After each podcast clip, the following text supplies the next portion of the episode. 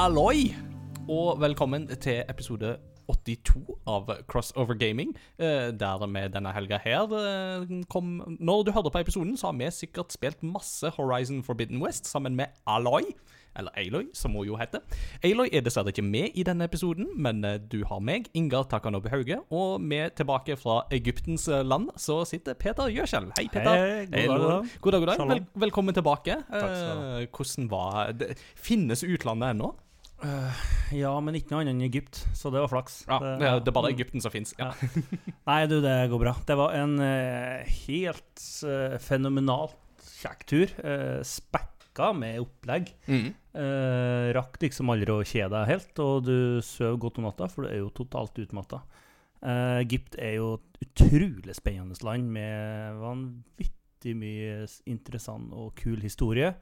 Og um, mye fine folk. Ja. Nei, det var rikt. Det var det. Very good prices only for you, my friend. Yes, yes. Ja, Mye spesialpris. Jeg fikk student price til, til meg, så da det, det, det er fornøyd. det, det, det, det er juks. Du er Ja. ikke student lenger. Nei, det er juks. Jeg kjøpte ikke heller, da, så det gikk bra. Nei, nei, nei. Og, vi, og, og så har du jo fått med masse gode suvenirer hjem. Blant annet på kjøkkenet så har du jo fått eh, masse godt, ser jeg. Da, både. Ja da, det var, vi var på ene hotellet, så fikk eh, så var, altså, De som arbeidet på hotellet, de var vill. Den De var for det første fantastisk gode på det de gjorde. Eh, Skapt god stemning blant eh, gjestene. Det var jo nesten bare oss der. Eh, og da så fikk så god kontakt med dem. Så han, da var det noen av dem som har fått så god kontakt med han som var på kjøkkensjef. Mm. Av alle ting. Det har jeg aldri vært borti noe som er gjort før. Eh, men eh, kjøkkensjefen endte opp med å ta med Jeg har to elever som er kokker. Eh, Ja, ja, da, ja. Og et par andre som ble med da til eh, på kryddermarkedet, så hvor han kokken begynte, brukte å kjøpe. Og da skulle de kjøpe med litt til meg òg, da. Mm. Eh, så da kom de eh, annet med eh, Jeg veide i stad. eh, 25 gram eh, safran. ja. For dere som ikke vet det, safran det er da verdens dyreste krydder. Alt sammen håndplukkes i India i løpet av to måneder for hele årsforbruket i verden. I Norge så får du kjøpt eh, 0,5 gram til 50 kroner. Mm. Og jeg har da 25 gram. Så jeg har da safran til en verdi av 2500 kroner. Ai, ai. Og, og, og, og hvor mye skulle de ha for det? Det lurer jeg på. Eh, nei, de hadde jo kjøpt litt, da, så det fikk vi gratis. What?! så ja da, det var, det var en fin dag. Å, villaste, villaste. Oi, oi, oi. Kjøpt mye annet kult òg, så det nei, da. Nice. Hvordan var, var det noen arkader eller noe gaming å finne i Egypt, eller var det tynt med det? Uh, altså, det var litt rann. Uh, på, I Istanbul så gikk jeg forbi en sånn På flyplassen, sjappe. Uh, og et par i Egypt, og for så vidt, ja. men den i Istanbul, det var verste. Jeg rekna meg opp til eh, 15 PlayStation 5, tror jeg, inni sjappa. Oi! Ja.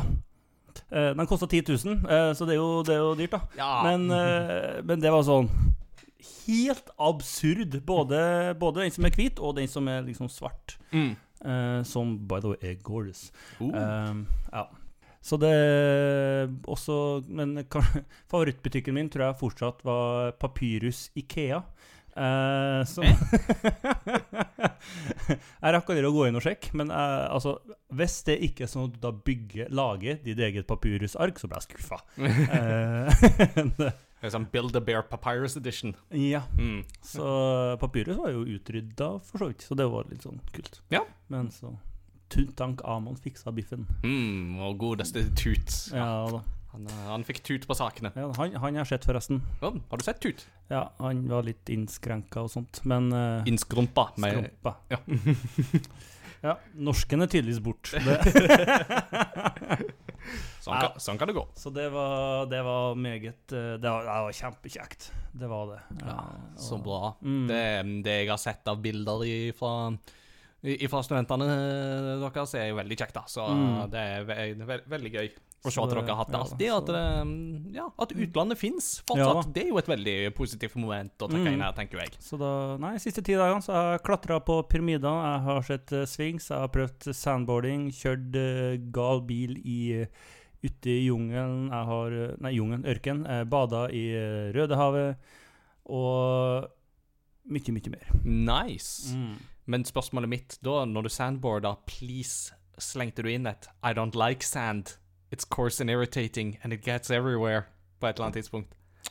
Um, jeg sa ikke den setningen, men jeg sa noe lignende fra tryna, Mm. med kjeften åpen. Det er en særdeles dum idé. Å, da er, det, da, er det, da er det i alle fall sånn I don't like sand. Uh, så, uh, så det var vel litt mer sånn. Eh, Ja, det var for det Men ja. Nei. Nei. Okay. ikke. Mm. Så det, men det var kult. Den. Så artig. artig. Mm, meget. Jeg har ikke gjort noe veldig mye spennende mens du har vært vekke, eh, men jeg har ehm, Jeg har solgt PC. Eh, Ja. Det har jeg gjort. Um, lang historie kort, eh, så er det jo sånn at kona overtar jo PC-er etter meg. Og så, så hvis det skal fornyes en PC i hus, så er det jo alltid jeg som får den nyeste hardwaren, fordi jeg ofte spiller nyere, og mer krevende spill, mens kona hun har noen stayers som holder seg til. Mm. Eh, og så lenge de kjører bra, så er det veldig bra, men hun vil jo gjerne at de skal kjøre best mulig. da. Eh, så da med oppgraderte PC i høst, så fikk hun eh, min gamle, og så fikk jo jeg da en ny. Og da var det hennes gamle, altså min første high-end desktop-PC, som nå var liksom klar for en ny eier. Ja. Og det fikk jeg endelig ordna nå. Godeste discorden som vi jo har oppe og går, vet du, de lærte meg hvordan jeg skulle tilbakestille en PC. Og Fin gjeng. fin gjeng, altså. Det er Selv en uh, hardware-noob som meg fikk det til, vet du. Så det var, det var veldig kjekt. Eh, og så bare la jeg den ut, og det var ikke sånn Altså, vi var jo fra 2013, så han var jo litt gammel, men jeg hadde et 1080-grafikkort inni der som kunne ende ennå kjøre prisen litt opp, og Mm. fikk faktisk napp. Så da var det en amerikaner som var innom og kjøpte, og han bevipsa over eh, summen med en gang. Og ja, ja det, det var, det var helt, helt strålende. Så gikk som en dans, altså. det gikk som en dans. Ja. Oi, ja, å, tusen takk. Ai, ai, ai. Det, det er inn, vet du. Ja, da. Ai, ai, ai. Nei, men det, men det er liksom de eskapadene der. Så la oss gå inn i spilleskapadene og se hva som har skjedd i spillenes verden de siste to ukene. Let's do.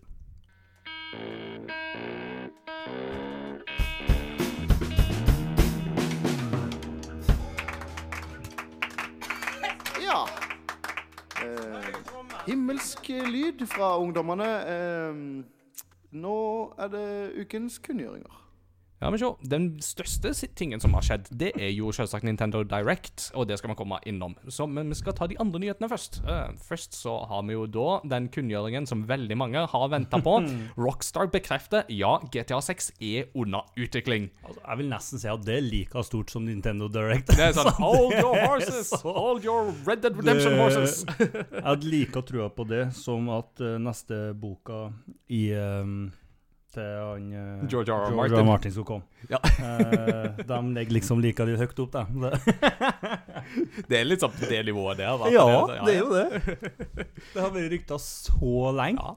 Men, at eh, mm, men eh, det, det, det er i alle fall bekrefta nå da at eh, nei, vi skal faktisk lage noe mer enn bare GTA online-content. Vi skal Mm. ikke hvile på det. Og det er jo litt sånn interessant, da, ikke sant, fordi at eh, alle disse GTA-spillene som har kommet ut siden GTA 3, har jo vært grensesprengende innenfor sine generasjoner når de har kommet. ja. Så det er jo veldig tydelig at Rockstar de vil på en måte De vil ikke slippe noe før det er på det nivået der. Det skjønner vi jo. Om altså, Vi så jo med Red Dead Redemption 2, for eksempel, hvor skyhøyt detaljnivå det var på det spillet, og sånt. Eh, altså, Noen vil jo si det var for mye detaljnivå, til og med. Altså for mye realisme. Eh, men altså, GTA 3 var jo grensesprengende i sin tid, og 4 for så vidt òg, ja. men 5-en var jo liksom helt av en helt annen verden Ja. da det kom. Og nå har jo de hoppa over hele den PlayStation 4, altså Xbox One-generasjonen for GTA. Altså Da ga de ut Red Mm. Dead Redemption 2, men de har jo ikke gitt ut et nytt GTA siden PlayStation 3. Tida og Xbox 360-dagene. Det er helt sykt. Det er så sykt, det. Nå har vi gått, det har- gått så lenge. Og selv jeg som i utgangspunktet ikke er noen stor GTA-fan, syns jo at det er litt sånn Nå har det gått veldig lenge. Mm. Stakkars folk som venter. Ja, så um, det blir jo spennende å se når det kommer. Mm. Så vi får se. Ja, og hva, altså, som du sier, det er så grensesprengende det de kommer med. Mm. Hva skal han finne på nå? Nei, ikke sant? Det er jo det som blir spennende her. Sier, er jo, ja, ja, når han lykkes så godt, fallhøyden blir ikke noe mer. nei, nei. Så det, å, nei, det blir, Men det blir de har penger. De har så mye penger! Ikke sant? Uh, en annen ting som har blitt bekrefta, eller altså, vi har visst det tidligere, men uh, The Wolf Among Us 2 Uh, har nå fått en liten smakebitstrailer. Uh, så det var jo et spill som Telltale Games eh, i utgangspunktet holdt på med da de gikk dukken. Mm. Og så har jo en del av de assetsene blitt plukka opp igjen, og så har man snekra en del ting sammen, og nå har de da sluppet en teaser-trailer som bekrefter at det spillet er nå, nå, nå lever den produksjonen igjen, og det kommer til neste år. Så det er jo um, Det er jo veldig godt nytt. Altså, um, Mm. Nå har jeg jo en av dine elever låner jo Fables-tegneseriene av meg Ja. støtt og stadig, og det er jo veldig kjekt å liksom kunne dele det kildematerialet, uh, syns jo jeg, da. Så. Mm, ja, han sprang hotellet opp og ned, han på, fin på, på jakt etter meg, for å si det. Så han var eh, 120. Nei, men uh, jeg, gleder, jeg gleder meg Så- med han, så det, det blir et spennende spill. Så da kunne jeg bekrefte at gamere kan jo springe. Ikke sant. um, eh, mens du har vært i Egypt, har du fått med deg noe sånn der snakk om NFT-er og sånne ting? Nei. Nei, altså vi har ikke snakka så veldig mye om NFT, annet enn at eh, jeg har lyst til å få det vekk av verden, men det er jo Altså eh, Noen som jo syns at NFT var en veldig god idé, det var Team 17, eh, studioet som i sin tid er mest kjent for spill som Worms. Eh, Ja, så de stemmer. skulle liksom begynne med sånne NFT-skins på Wormsene sine. Mm. Det fikk veldig stor backlash, eh, og en, et døgn senere så fant de ut at OK, nei, vi skal ikke gjøre det likevel. Eh, men det stopper ikke der, for i etterkant så har det da kommet fram en del interne rapporter, bl.a. via Eurogamer, som viser at uh, tingenes tilstand i Team 17 er ganske dårlige. Uh, folk som er ansatt i QA-avdelinga, de tjener latterlig lite. De tjener oh, dårlig. Vi snakker liksom under 20 000 dollar i året. Altså, hvis du, hvis du ganger det med 10, så 200 000, da. Ja. det sånn. Altså, dette er jo i Storbritannia, så det blir sånn 18 000-20 000 pund i Mm. året tjener de. Mm. Og det var bare sånn Mens hus som er liksom driftsleder i Team 17, er jo en av de liksom rikeste i hele bransjen i, Mm. i Storbritannia. Altså, Ja. hun, hun, hun sover godt, det, liksom, for å si det sånn.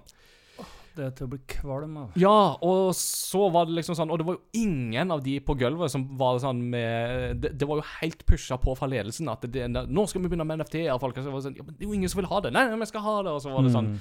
Og det var sånn Og null anger i etterkant fra ledelsens side heller. Og da var det bare sånn med at eh, I, I dare people to question my ethics, to be honest, var hennes tweet om dette. Mm. Og da er det sånn Å, OK, så du er der ja, du nekter å ta imot uh, tilbakemeldinger ifra ja.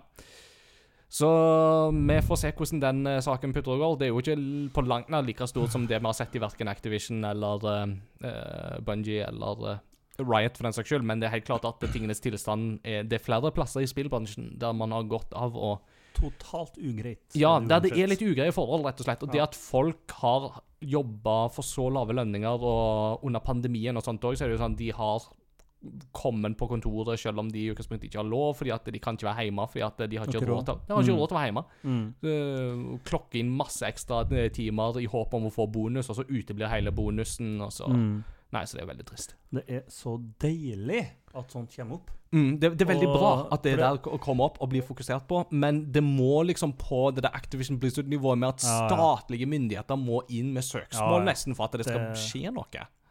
Det er jo det en kan håpe nå, da. Mm. At nå, altså Noen må jo komme inn her. Klarer ikke å Altså, Storbritannia er ikke så skakkjørt at de ikke slår ned på sånt. Nei, Håper jeg. nei, altså Iallfall pre-brexit, iallfall, så var det vel eh, Nei, men altså Mm. ja. Eh, nei da, de, de, de, det jo, men det er jo store klasseforskjeller i Storbritannia òg. Altså, Det er jo Mm. ingen land i Europa som har større skille mellom de rikeste og de fattigste enn det Ja. Storbritannia har, Ja, faktisk. Så det Men uh, vi får se. Vi får se. Mm. Vi heier iallfall på de På gulvet. på gulvet, rett og slett. Det tror jeg vi kan være enige om å si. At uh, Mm. de må få forhold som de kan leve av Mm. unna. Altså, Absolutt. 200 000 kroner i året, det er ikke en levende lønn, altså. Det, Det. Du kan ikke leve på det. Så enkelt er det. Mm. Um, all right. Um, et annet selskap som jo av og til har hatt litt uh, trøbbel, det er jo CD Projekt Red. Uh, men uh, nå denne veka her så har de kommet med en gigantisk oppdatering til Cyberpunk 2077. Den er da oppdatering 1,5 på uh, 50 gigabyte, og den versjonen har da blant annet inkludert endelig next gen-versjoner. Dedikerte next gen-versjoner til spillet. Smartere AI, eh, bedre minikart kart, og en eh, hel rekke bråte med eh, forbedringer som Mm. eh, jeg ikke har testa ennå, men eh, som visstnok da sånn nå, nå begynner de liksom endelig å komme på det nivået som en, en kanskje forventa da, da Mm. dette spillet ble lansert i sin tid. Så jeg har jo sett om hvor mye problem det spillet har hatt. Ja, ja, ja. Det er én oppdatering på 50 gig. Ja. Men, men, men, men merk òg at denne kommer halvannet år Eller ikke, ikke fullt halvannet år, men godt over ett år etter spillets lansering. Mm. Eh, så det er veldig merkbart at pandemi og sånt har hatt sitt å si her, Ja, og, ja. og sånt. Så det, Selvfølgelig er det. mm. Selvsagt, det, det forstår vi jo, så, Mm. men eh, det, det, det viser jo òg samtidig ikke sant, at når så mye måtte oppdateres, så er det jo Mm. klart at det spillet ble sluppet i en altfor uferdig tilstand da, da det ble sluppet. Mm. Ja, ja. Men det er også Jeg følte ikke de hadde så mye valg heller, når det ble sluppet. Fordi de hadde fått Altså, de fikk jo drapstrusler på den siste utsettelsen. Ja. Eh, du vet faktisk ikke hvor langt folk kan gå når de er sinte nok. Og sjøl om det er spill altså, Vi har alle sammen opplevd raging på et eller annet, kanskje ikke sjøl, men du har sett det på internett eller hørt om det, eller Mm. spiller du Call of Duty, så hører du det. Veldig tilfredsstillende. Stadig vekk. Eh, så ja. Men, oh, eh, my father is a great attorney. He's gonna Mm. sue you and destroy you. mhm. Men det, Det er sånn 14-åringer høres ut, ikke sant? Ja. Akkurat sånn. Nei, men jeg, men det er jeg har for lyst til å sjekke, da. Mm. eh, og få det på igjen. Men jeg Ja. ble jo aldri ferdig med det. Nei, nei, altså jeg kunne gjerne kjørt en sånn performance-test på det, men Mm. det er klart at for Igjen, eh, dette jeg snakket om masse, skal ikke nevne det igjen, men altså for meg så var det jo historiepremissene og det narrative aspektet som jo ikke Som skuffa meg mest, egentlig, med Cyberpunk. Og det, det er ikke sånn altså, Du kan jo endre historien og sånn, men det er liksom ikke Bedre performance ville gjort opplevelsen bedre, men Mm. uh, det er ikke sånn at jeg nødvendigvis må gå tilbake og spille det spillet. Iallfall ikke i 2022, når Nei. det kommer så mye bra. Mm. Men um, for Xbox-eiere så er det jo ganske greit, da, fordi at det viser seg jo at der er det jo smart delivery. Så for de som har en Xbox Series, så er, kjører den nå nyeste oppdaterte next gen-versjonen automatisk. Ja. For PlayStation 4-eiere så er det jo fortsatt ganske knotete. De må liksom inn i innstillinger og justere og sånt, og så er det noe med at lagringsfiler må konverteres over og portes over og litt sånne ting. Så kjære ja da, så um, Xbox uh, viser igjen her med at smart delivery det er veien å gå. I, Mm. i hvert fall hvis du skal kjøre liksom den type cross-platforming på den Ja. måten da. Kult. Mm. Vi holder oss litt i CD Projekt Red-hjørnet for eh, veteraner fra CD Projekt Red, som da er leda av et av disse tidligere studiohodene. eh, Thomas eh, Nei, Konrad Thomas Thomas Thomas Kietvich. Sorry, Sigrun. Jeg, uh, I botched that uh, name, uh, and it died slowly and painfully. Han, ja. Men han, ja. En av disse sjefene som jo fikk litt sånn mobbeanklager og sånt um, mot seg, og trakk seg fra stillingen sin i litt sånn Men han var jo høyt oppe i produksjonen av både The Witcher 3 og Cyberpunk. Eh, Men de, skal nå lage, de har nå laga et nytt studio, Rebel Wolves. De har sluppet et teaser-bilde, og de skal lage rollespill. Så det blir jo spennende å se hva de kan få til. Kult. Mm.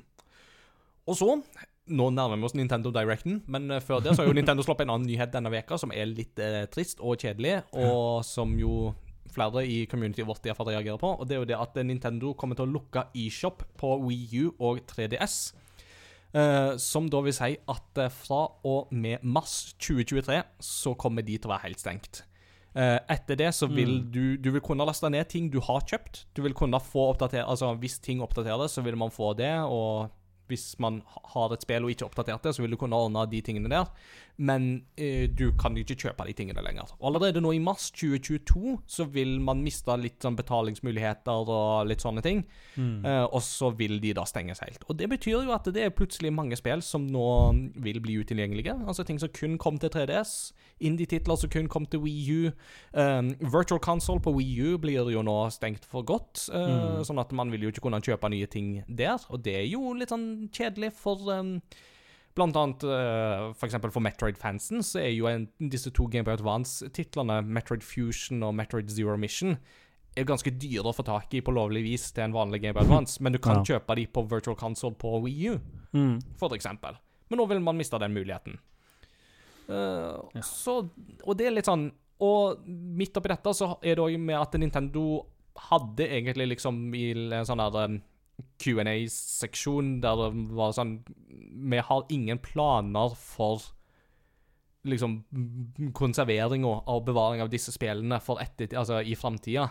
Uh, er en setning som du da tok vekk i etterkant. Men det er litt sånn de, de har ikke noen erstatningsløsning for dette her heller. Det blir bare sånn vi stenger serverne, og that's it. Deal with it. Mm. Og det er jo litt sånn Sony, da de planla å stenge PlayStation 3 og Vita-butikken i og PlayStation Portable-butikken, så ble det jo ganske store protester med tanke på Mm. spillkonservering og tilgjengelighet. Ja, ja. Og det fikk de jo til å snu på det, faktisk. Mm. Mens Nintendo, de hører ikke på det. Nei. Og da er det litt sånn Ja, men vil dere at folk skal piratkopiere? Vi oppfordrer jo ikke til at folk skal piratkopiere, men dere gjør det veldig vanskelig. Det er, kjempe, det, det, det er litt merkelig. Det er det. Du, du blir litt sta og Ja, nei ja. Så det er litt trist. Trist Ja. er det i hvert fall. Mm. Men eh, la oss da snakke om noe litt mer gledelig. Den store nyheten de siste par ukene er jo da Nintendo Direct. Nintendo Jeg trodde du snakket om GTA 6 igjen. da. Alt etter, alt etter perspektiv. Alt etter perspektiv, Peter. Det, er godt du, det er godt du får meg ned på landjorda igjen. Men vi har jo mange, vi har mange Nintendo-fans i um, lytterskaren vår og i discorden vår, og um, jeg tror nok absolutt at Nintendo Direct var, der var det mye bra.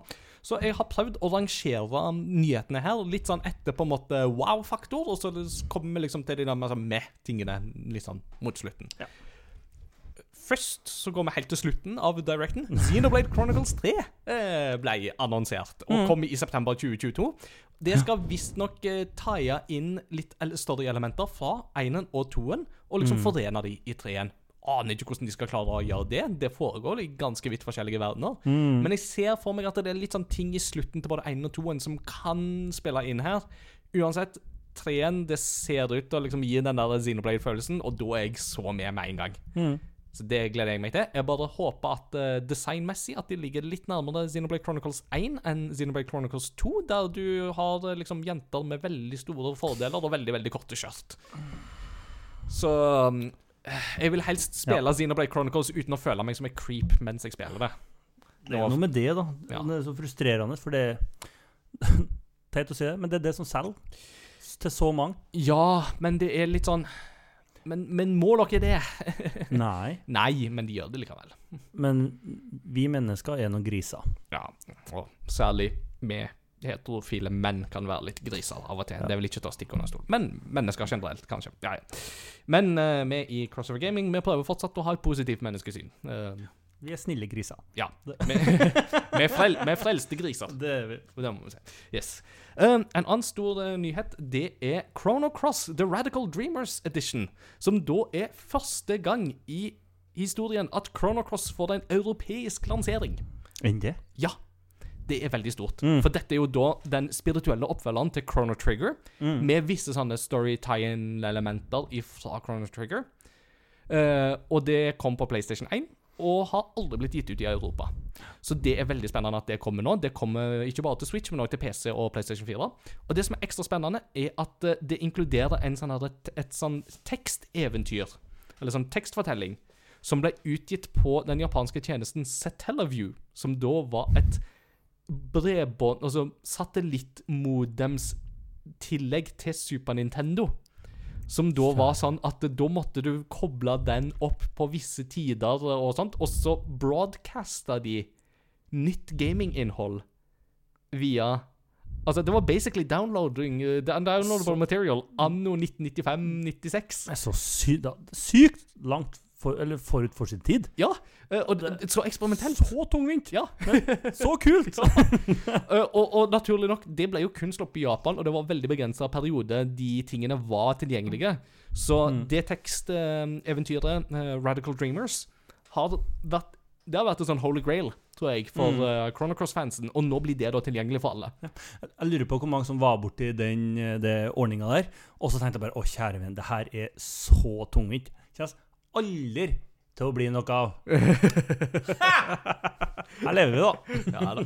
Sånn, sånn går det. Ah, Kult. Mm, så kjempekult. Mm. Og så holder vi oss litt i det retrohjørnet, for en av de store overraskelsene som jeg ble kjempebegeistra for, det var Live Alive. eh, som da er en ny versjon av Super Nintendo-spillet fra 1994, som kun har blitt sluppet i Japan. Dette er en Square-klassiker.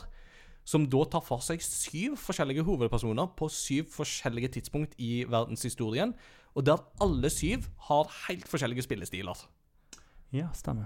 Og dette spillet her blir nå lagt på nytt i den HD2 HD2D-stilarten som vi har sett i Octopath Traveler, og som vi kommer til å se i Triangle Strategy. Og det ser helt fantastisk lekkert ut. Mm. Og det er sånn Igjen, dette her er òg en sånn holy grail for de som vil ha de klassiske, gode rollespill, japanske rollespillene fra 90-tallet. Um, og altså, Square var jo kongen av, jap av japanske rollespill på den tida. Og de ga Mm. ut så mange ting som Der noen ting bare aldri ble sluppet utenfor Japans grenser. Og Live Alive er liksom en av de der som er skikkelig ettertrakta, og som fansen har venta så lenge på. Og det fins jo fanoversettelser av dette, men dette får, blir da en helt ny greie. Deilig. Ja, kjempedeilig. Eh, Mm. Så jeg er Jeg var sånn da, da de plutselig bare snikannonserte den, så var jeg jo bare sånn Hæ?! Hæ?! Så jeg var I'm very excited! I'm very excited! Great success! Greit. Yes, success.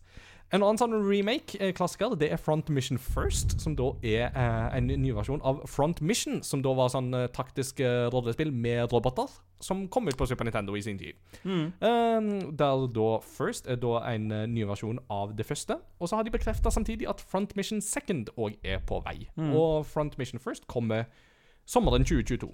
Live Alive kommer 22. juli, og uh, Chrono Cross kommer fi- 7. april. Mm. Det glemte jeg å si. Og så er det på tide å få tennisalbueskade igjen for Nintendo deilig. Switch Sports. eh, den åndelige oppfølgeren til Wii Sports. er du klar? Åh, så sykt. Er du klar for eh, Og ikke minst, eh, de kommer med en golfoppdatering til høsten, så her er vi Mm. kandidat til Guguti. Guguti. Guguti, Åh, Golf. Game of the Year 2022. Det blir det. Mats Jakob, håper du er klar. Eh, det er jo da De kommer til å ha med tennis, de kommer til å ha med volleyball, de kommer til å ha med sverdkamp, eller chambara, som de jo Mm, kaller det her. mm. Veldig gøy at de Vel, bruker det ja. begrepet. At de har, også at de har liksom kjørt det erkejapansk. Ja, Oh, jeg, elsker det. Mm. Uh, og det som også er ekstra gøy, er jo da at uh, hvis du har Ring Fit, Ad, altså Ring Fit Adventure, så fikk du Mm. med sånn lårbånd som du Ja. kan feste joyconen i. Det kan du nå bruke her òg, til å spille fotball. Yes. Så, og det kan du også få Det får du òg med i den fysiske versjonen hvis du kjøper det. Mm. Men sånn helt Jeg hang meg så gæli oppi det. Når vi Altså, de hadde jo en sånn eh, kvinnelig person som liksom var på sida der og Mm. viste hvordan gjorde håndbevegelsen. Altså, det så ut som hun kjeda seg så sykt! Det var liksom handa opp, sakte ned. Mm. Opp, sakte ned. Og det var sånn Prøv å vise at det her er litt kjekt. Vær så snill. ja, Men de to øh, gamle, som Ja, ja. er ikke Miyamot... Nei. Nei, ikke Miyamoto, men eh, eh, Kishimura. Nei, ikke Kishimura heller. Uh, Eh, Takasak- Takashak- eller hva det heter, og Ja. Koizumi. Jeg bare ja, skrev det på noe. Ja. ja. Eh, at de gira seg sånn på volleyball, Ja. det var kjekt. det var litt gøy, da. Det, Det, var litt kjekt, da. det, ja. Altså, og jeg, jeg må bare si Jeg syns ikke at de der in game characters så så veldig bra ut. De var litt sånn Uncanny Valley, men med en gang du får lov å lage litt sånn Mier og sånt igjen, da er jeg on board med en gang. Det, Mm. det, det må til. Litt synd at vi ikke skal tilbake til Woohoo Island. Jeg likte den lokasjonen jeg i Wii Sports Resorts, men uh, Ah. you can't get it all. Nei. Så det blir veldig artig. Og, og um, de skal visst ha en sånn uh, online uh, demoprøve. Det er vel nå denne helga her, så um, når du hører episoden, så er det for seint. Men uh, ja. Det spillet kommer 29. april. Mm. Og så kommer det noe veldig gøy. Eh, det er jo Ja. mange som har vært hypa på Mario Kart 9. Eh, Mm. Jeg må nok bare skuffe dere og si det har alle blitt gitt ut to Mario Kart-spill på én og samme konsoll.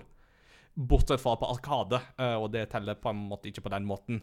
Så jeg tviler på at vi får Mario Kart 9 til Switch. Det tviler jeg veldig sterkt på. Mm. Men vi får noe som vil forlenge Mario Kart-moroa. Like bra. Like bra, ja. vil jeg si. Ja. 48 klassiske baner som nå blir eh, gjenskapt og sluppet som DLC. Mm. Eh, for den nette pris av ca. 250 kroner, så får du da seks pakker med åtte nye baner, gradvis fordelt fra 18. mars i år og ut til mm, sommeren 2023. Mm. Og jeg må si at eh, dette er jo jeg veldig veldig gira på. Ikke bare fordi at det er mange gode klassiske baner her, men det å få den fantastiske Mario Kart-musikken som vi har hatt i Mario. Kart 8 Altså Å få det bandet til å tolke en del av de klassiske to eh, Mm. tonene Åh, det, det er det jeg gleder meg mest til. Jeg gleder meg til mer soundtrack. Det er det, det jeg vil ha. Ja, nei, den, eh, det virka veldig bra. En annen elev som kom flygende når den kom, eh, og ramsa opp alle banene han som, som han skulle spille. Ja, Eh, De har jo bekrefta Coconut Mall, det var Ja, veldig veldig gøy. Eh, Choco Mountain hadde jo Mhm. bekrefta. Og uh, en bane fra Mario Kart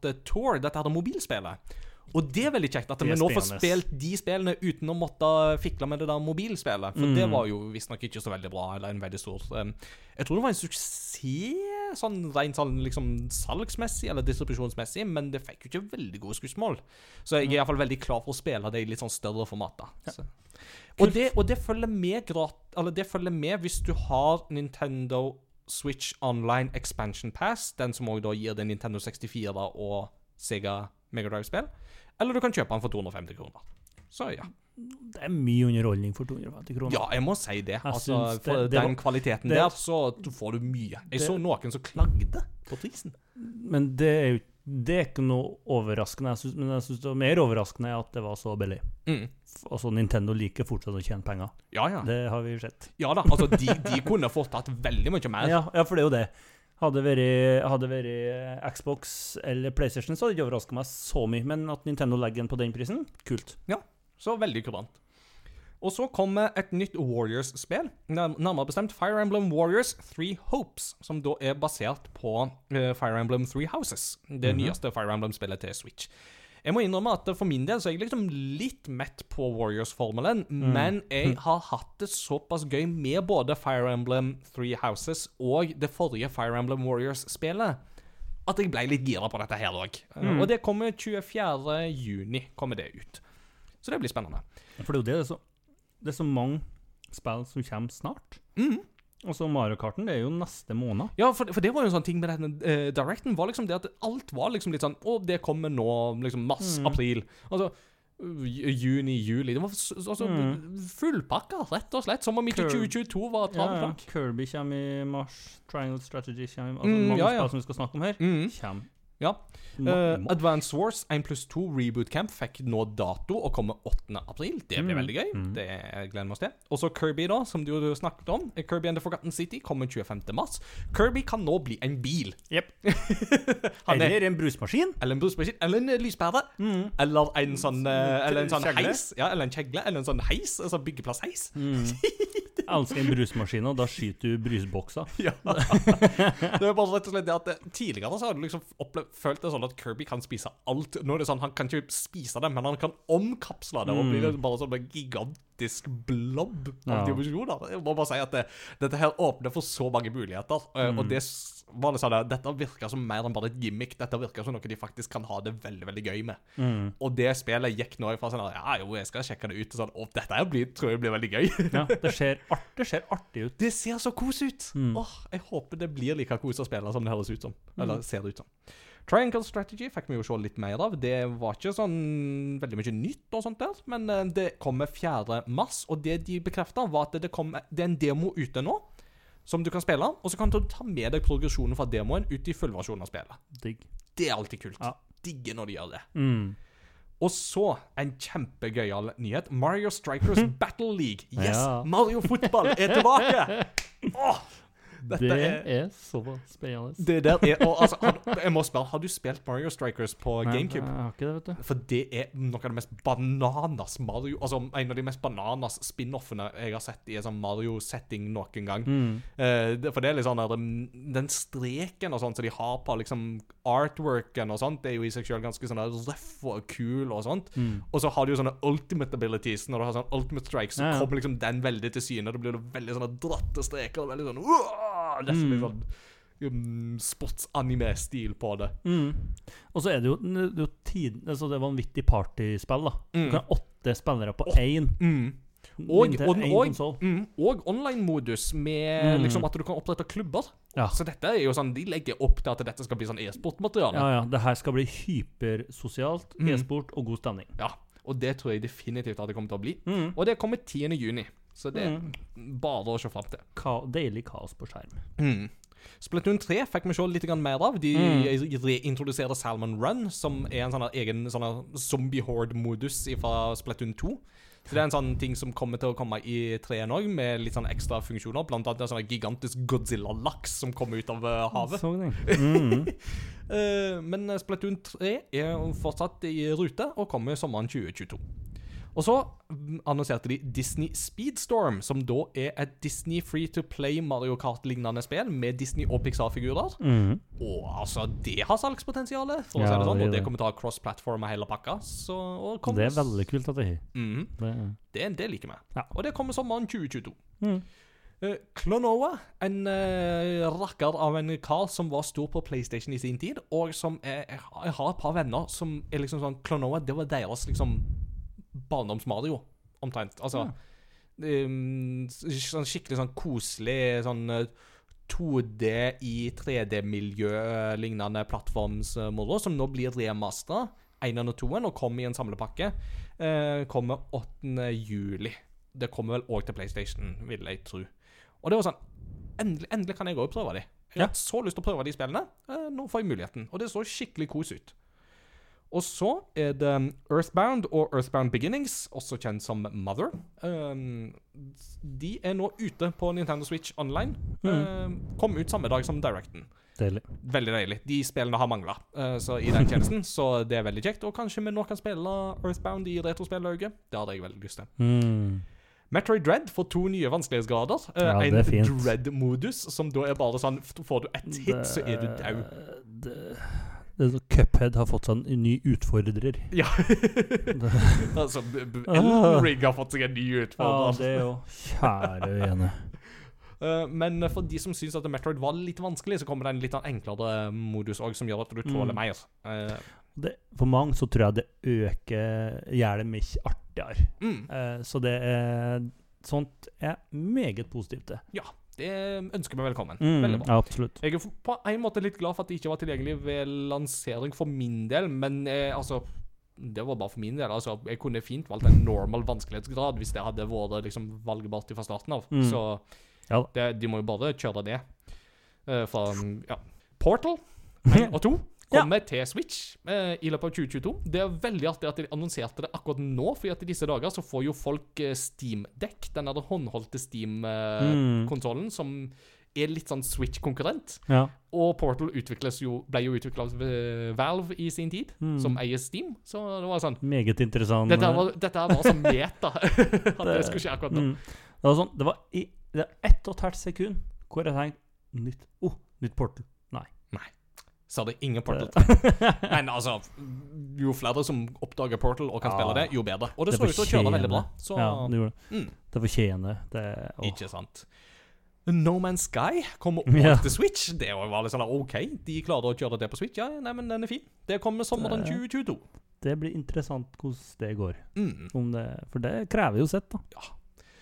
I dag, mens vi sitter og tar det opp, så så jeg at uh, nå er Cuphead-serien tilgjengelig på Netflix. Det passer jo bra, fordi at uh, Cuphead The Delicious Last Course, som da er DLC, kommer 30. 30. juni. Det er et nydelig navn. Ja, det er så bra, det. så der blir det mer moro. Mm.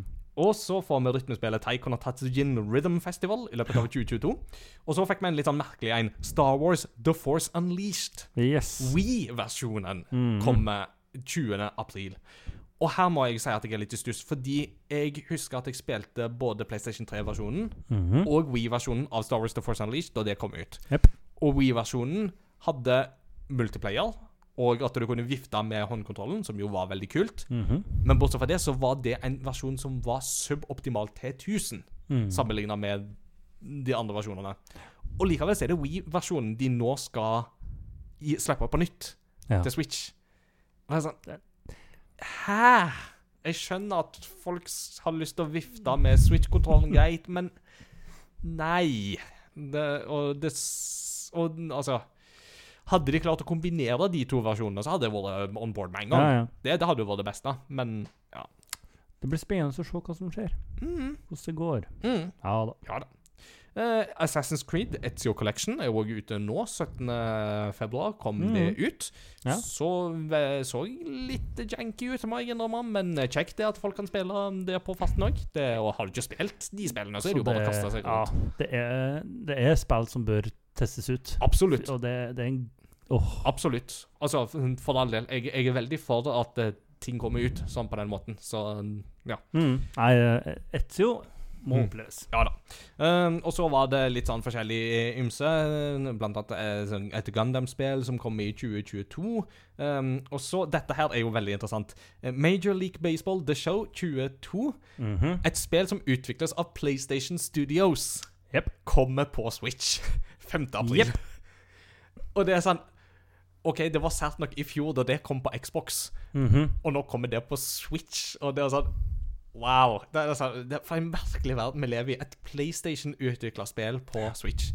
Men det så virkelig janky ut. Det var Mm. Du så det bare på hele presentasjonen at dette spillet her Det er ikke skapt for å gjøres på Switch i det Nei. hele tatt.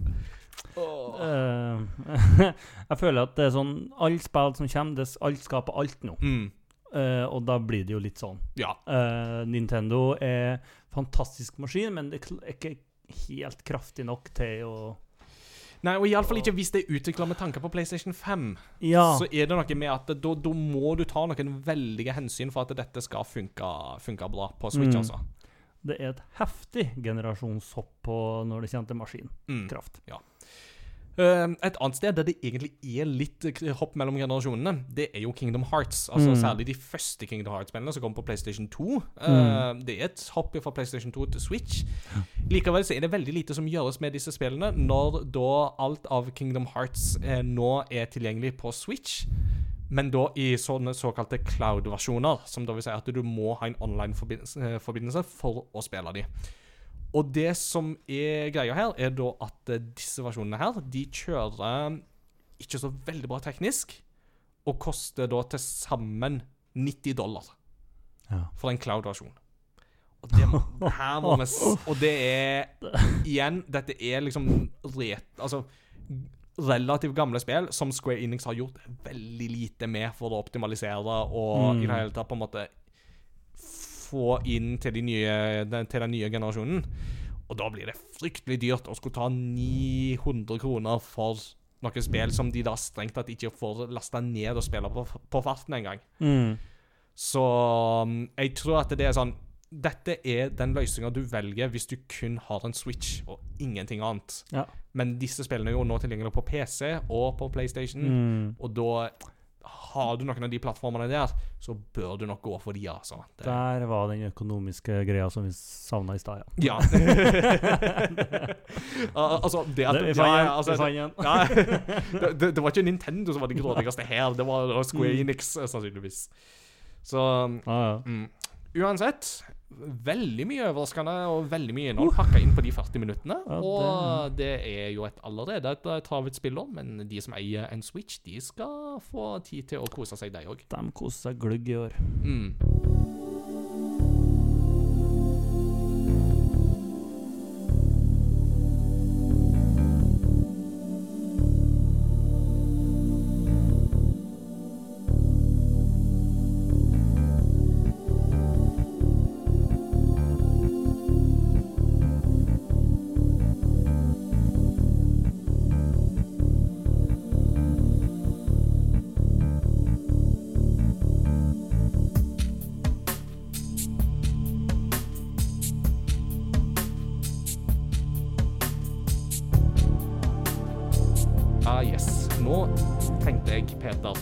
Forbindelse med Halo-TV-serien, som kommer i mars, om en måneds tid, så tenkte jeg at det er jo på tide at vi må ha en egen Halo-episode. Litt sånn, litt sånn koseepisode, nå som du liksom akkurat er kommet fra lang utenlandstur og alt Mm. sånt, så tenkte jeg det at vi skulle ikke ta et veldig tungt og krevende tema. Vi skulle ta liksom et tema som, som både du og meg kan på en måte kose oss litt med, og som vi har litt godt forhold til, og da er det Halo. Vi har jo en historie her òg. Ja, her har jo vi en historie. Ja, absolutt.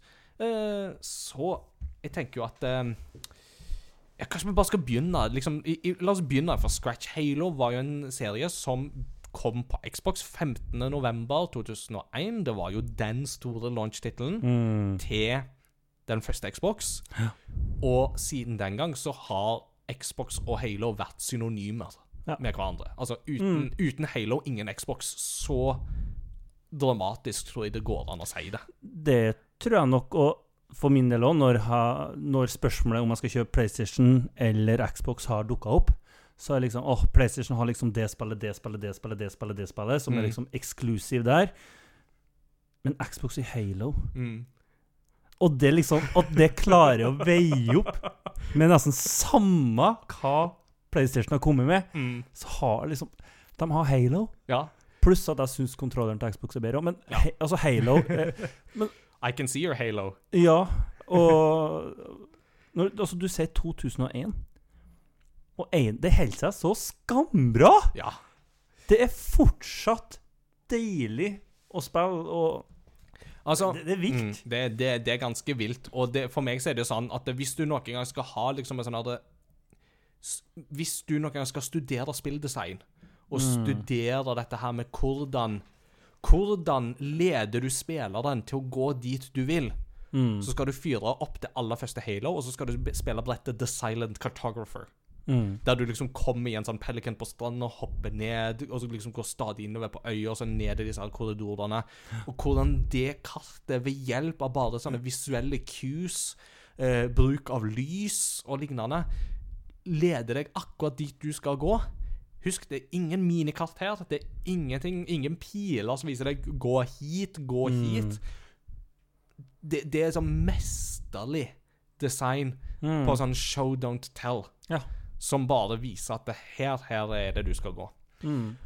Og jeg syns det er veldig veldig spennende med Halo som uh, spillfranchise, fordi um, hvis man ser denne Halo Nei, Xbox-dokumentaren Power On, The Story of Xbox, så får du jo et innblikk i hvor nær Altså, på E E3 2001 så skulle de jo òg demonstrere Halo, ikke sant? Mm. For å liksom virkelig markedsføre den nye Xboxen. Og Halo på det tidspunktet sleit fortsatt fryktelig Ja. med performance. Og det var bugs, og det var lav framerate, og det var liksom Folk var veldig stuss på kan de dra dette her i havn. Men takket være den tingen vi ikke er så veldig glad i, crunch, så klarte de jammen meg å dra det i havn til den lanseringa. Og siden den gang så har jo um, skytespill på konsoll aldri vært det samme. For dette var på mange måter serien som definerte first person shooters Mm. på konsoller. Det revolusjonerte jo hele Mm, skytespillverden. ja, altså Golden Eye uh. på Nintendo 64 Mm. viste at det, går an å lage FPS på konsoll. Ja. Men Halo var de som definerte det for Mm. alvor. Det å kan bevege seg, springe, Mm. samtidig som du styrer hvor du sikter hen, Ja. og kan skyte samt Altså, det, det ble så mye ekstremt mye Det var så virkelighetsnært, Mm. ble det. Og Ja. deilig Mm. å styre. Og dette var jo en sånn Eh. ting som for folk så var det jo sånn Ja, på PC så kan du det, fordi da har du mus og tastatur, Ja, ja. Men det er umulig på konsoll. Mm. Og så kom det jo Xbox med liksom Nei, vi skal ha to joysticker og sånt. Og var bare sånn, ja, men kan det funke? Mm. Så det var jo det med at de, de virkelig naila det med den kontrollfølelsen med å faktisk mappe knappene skikkelig på en håndkontroll. Sånn at det føltes naturlig å spille et førstepersons skytespill Mm. På det. Altså, dette var et terreng som så å si ingen hadde mestra før de. Og Bungie kom inn og definerte det med Halo så til de grader. Mm. Og siden den gang så har ikke det landskapet vært det samme. Så stort er det. Så stort er det. det er liksom Jeg tror ikke folk vet hvor viktig Halo har vært for alle Mm. som liker skytespill. Ja, altså uten, Halo, uten Halo så er jeg fullstendig overbevist om at Call of Duty hadde ikke vært i nærheten av å være så stort som det er i dag. Mm. Fordi de hadde ikke hatt Altså, for de måtte da ha funnet opp hvordan man skulle spille dette her på konsoll. Mm. Altså, det, det, ja, det blir å overdrive litt, ikke sant? For at det, det, det er jo andre òg som har laga FPS-er Ja, ja. på konsoll og sånt imellom, altså i det tidsrommet imellom og sånt. Men det er helt klart at Bungie og Halo var, var sjangerdefinerende på en måte som For å si det sånn, du, du, du må nesten ha opplevd det på det tidspunktet for å skjønne det, tror jeg. Mm. For det er sånn, Går du tilbake nå, så er det bare sånn Ja, men alle spill gjør det jo nå. Men altså, ja, de gjør det nå. No. Nå gjør de det. 20 år seinere så er dette en formel vi fortsatt ser tilbake på Mm. og følger. Men altså, har du mulighet, det er jo bare å prøve et skytespill fra 90-tallet. Så ser du, så vet du, da, da, da vil du øyeblikkelig kjenne skillet. Og så gir du mulighet, fyr opp Halo 1. Mm. Eh, ja. Ja, altså, det, det beste her vil jo være hvis du klarer å finne et FPS-spill som er utvikla for tidlig PlayStation 2. Mm. For PlayStation 2 hadde jo et års forsprang på Microsoft og Xbox og Halo. Mm. Så hvis det er noen på en måte first person shooters i det mellomrommet der, så gå tilbake og spill det. Ja. Og så spiller du Halo etterpå. Og så ser du hvor forskjellig dette her er. Og det handler jo ikke bare da om disse tingene her, men det handler jo òg om bare den faktoren med at de, de klarte faktisk å få det til å kjøre bra. Mm. Og så var det jo dette med multiplayer. Ja.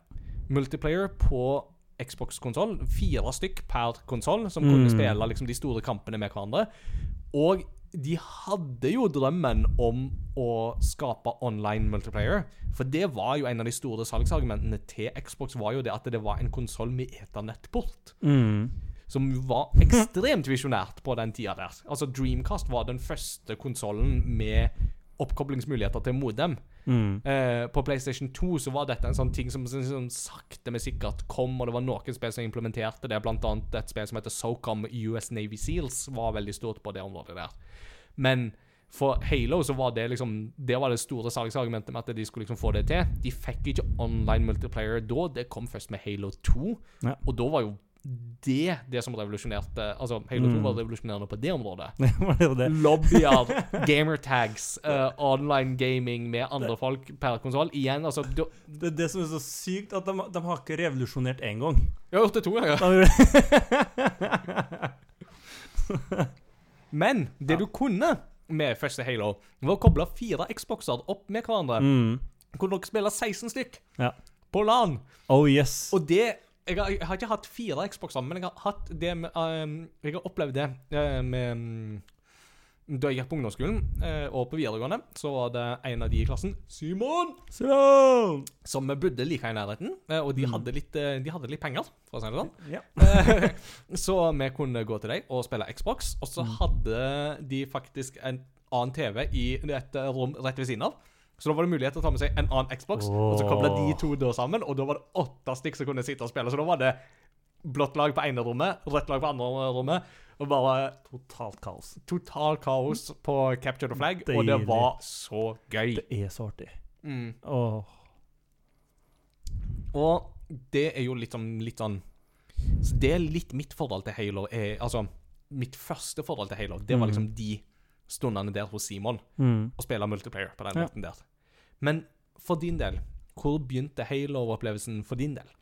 Uh, for min del så var det Første gang jeg prøvde Halo, det var til en kamerat som heter Jørgen. Jørgen! Eh, som eh, De kom liksom flyttende fra langt vekk i stand til ikke så langt unna. Gikk på bedehuset, og så han var Xbox. Eh, også der fikk jeg Han var en Xbox. Han var, han var Xbox. Han, han, var, han var bare en kloss som Mm. kom inn på bedehuset og Yep. sa 'I am Xbox'. Eh, og der prøvde jeg Halo uh, første gang. Og så Men ja, så da fikk jeg liksom bare sånn småbiter hen og det når du var på besøk. Så etter var det et uh, lite stund etterpå, så var det på Fantes Finn da? Jeg vet ikke hvor jeg fa QXL, kanskje? ka- Jeg vet ikke. Det var i hvert fall en fyr som eh, Han solgte Xboxen sin og 32 spill til 1000 kroner. Å, oh, wow! Å, wow! Å, for et røverkjøp! Yes! Eh, så da bestilte jo den. Ja. Eh, det var liksom, det hadde jeg tjent opp nok penger til å gjøre, og så fikk jeg Det var min, det var min første spilldupp Altså før Konsol. PC, alt sammen. Det var liksom det første jeg hadde å spille på. Oh, det visste jeg ikke. Eh, og da var Så da var liksom Xbox eh, Hva het um, Hva heter menyen hvor det er musikk, eh, musikk og alt sånt der? Eh, Ja, den der grønne ja, ja, ja. Å, hva het det for noe? Ekstremt glodrete, men eh, Yes. så 2000-tallet, og så Xbox. Ja, så da, men i hvert fall, så da ble jeg ordentlig introdusert for mye Xbox. Eh, ja, forresten, på dere media så lå jo Ramstein, så da ble jeg interessert for det òg. du hast nicht. Uh, ja. Den- den- den- Denne historien blir bare bedre og bedre. Jeg synes det er Eh, godt. Ja, ja. Og, men ja, da fikk jeg prøvd Halo 1 uh, for første gang, og liksom Og det Det var jo første møtet mitt òg med FPS. Eh, med alt av skytespill. Age of Empires hadde på en måte vært det vi spilte på den eh, gamle 98-del-maskinen vår. Mm. Eh, og så eh, var det liksom Så Halo er jo det første skytespillet jeg har spilt. Er det. Eh, og det har som sagt vært et spill som har vært med meg hele veien. Mm. Og eh, alltid elska det spillet, og spilt alle spillene så å si, bortsett fra femmeren har jeg faktisk ikke spilt ennå. Ja. Um, alle spillene har jeg spilt flere ganger. Mm. Uh, ja. Så det, det er det første møtet. Ja. der. Vi får jo eventuelt ordne det sånn at på en ledig stund så får du låne min Xbox One S Mm. og, Halo 5. Det, jeg, har- jeg har håpet at det skal skje en gang snart. Mm. Make, it, make, make it so. Ja, takk. Så ja. Mm. Ja, øhm, og det bringer meg jo litt sånn over til på en måte det, Da snakker vi jo på en måte om vårt gamle forhold til Halo, ikke sant? Og Mm. vårt første forhold til Halo. Men så har vi jo en felles historie her, som Ja. er jo litt sånn artig. Fordi i 2016 så bestemte jo jeg meg for at eh, jeg hadde jo um, Jeg hadde spilt multiplayer Halo 1 og 2 Mm. Uh, i sin tid. Hadde vel kanskje spilt noe multiplayer Halo 3 òg på et tidspunkt, eller noe sånt. Men jeg hadde jo aldri spilt campaignen i Halo-spillene.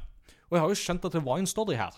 Og jeg har alltid vært litt fascinert over liksom, det universet og liksom, det storyen og en del av disse elementene. Fordi at det visuelle designet i Halo er jo veldig veldig ikonisk. ikke sant? Altså, det, Master Chiefs sin rustning er jo Altså Den er jo så ikonisk. Det er jo sånn at du, du Har du først liksom sett den én gang, så forbinder du det med Halo. Ja. Uh, og disse våpnene, ikke sant. Altså bare med liksom disse um, altså, um, plasma sword og en del av disse fiendene.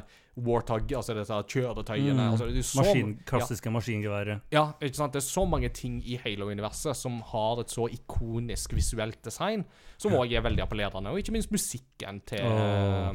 Michael altså, til, Musikken. til Donald og Salvatore. Som, som er jo Og er jo liksom altså, en helt annen verden. Det er jo sånn, Mm. du, du forbinder ikke den type musikk med den type spill. Altså, Når du booter opp Halo, så er ikke det første du forventer å få. Det er ikke et gregoriansk kor. Mm, nei. Men nettopp det du får, som gir på en måte en, en sånn sakral følelse til hele den her eh, Halo-ringen som du ser liksom der i bakgrunnen i hovedmenyen. Mm. Og det er jo ikke så rart, det, fordi at for Covenant, altså for eh, denne um, alien-rasen, Ja. så er jo Halo-ringene er jo hellige. Mm. Og det å få bli liksom slått av den liksom majestetiske æresfølelsen, Mm. det er en sånn Det det er utrolig kraftfullt, altså. Det er Det, det. det er jo et av spillene hvor du, du, du venter gjerne ett minutt ekstra med å starte spillet. Mm. Eh, fordi den musikken din den er så deilig, og når liksom begynner å få inn trommene og sånt Mm. Og, altså, altså alle, all kjenner til den musikken. Altså, Halo sin musikk er Altså, så å si alle guttene har vært i et mannskor og sunget den i garderoben. Mm. Det, det Og det er jo drømmen, det, ikke sant? Altså, det er jo Ja, å ja. stå liksom i et sånn skikkelig sånn gammelt kirkebygg i Jerusalem eller noe sånt, og så bare begynne Nei, folkens, det er ikke lytterpost vi skal ha nå, altså. Det. Nei, altså. Så det er jo helt spesielt Mm. hva de altså, Ja, hva de fikk til med musikken der, og det Mm. Rett og slett. mm.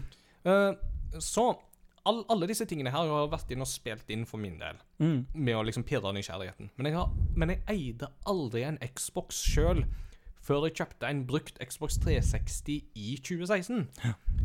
Og da ble det sånn øh, Fordi jeg fikk en til en veldig billig penge. Mm. Og da var det sånn OK, nå har jeg en Xbox. Er Mm, én ting Da er det én ting som står på programmet her, og det er jo faktisk å få spilt Halo. Ja. Det andre er faktisk Gears of War. da Det er jo òg en sånn serie som jeg har hatt lyst til å besøke, men så Mm. langt har jeg faktisk ikke kommet ennå. Så Nei. Det, men, men det er på lista en gang. På bucketlista. Ja, det er det. Den, den er lang. Men Halo var liksom førstepri, så jeg begynte på Halo 1, Mhm. og så spilte jeg Halo 2. Begge to på liksom originale Xbox-formatet. Mm. Og så, da jeg kom til Halo 3, da fikk jo du nyss i dette her. Og da var jo du sånn Dette må vi jo spille i coop. Skuffa over at jeg ikke fikk høre tidligere, men uh, Ja. anyway. Men vi var ikke så godt kjent. Eller jo, vi Nei. var jo litt godt kjent allerede. det var jo da det I den perioden der vi ble mer kjent, ja. Ja, det var jo det. Så, Ja, Det var Halo som brakte oss sammen, rett og slett. Ja. Ja, det mm. Halo is our show. så uh, med Halo 3 Så fra Halo 3 så begynte jo vi da å spille disse spillene sammen i coop. Åh. Og Anja, kona mi, lagde brownies, og oh. du og meg satt og spilte Halo. Og Det var så fint. det var fint. Before the dark times, Mm. before the covid.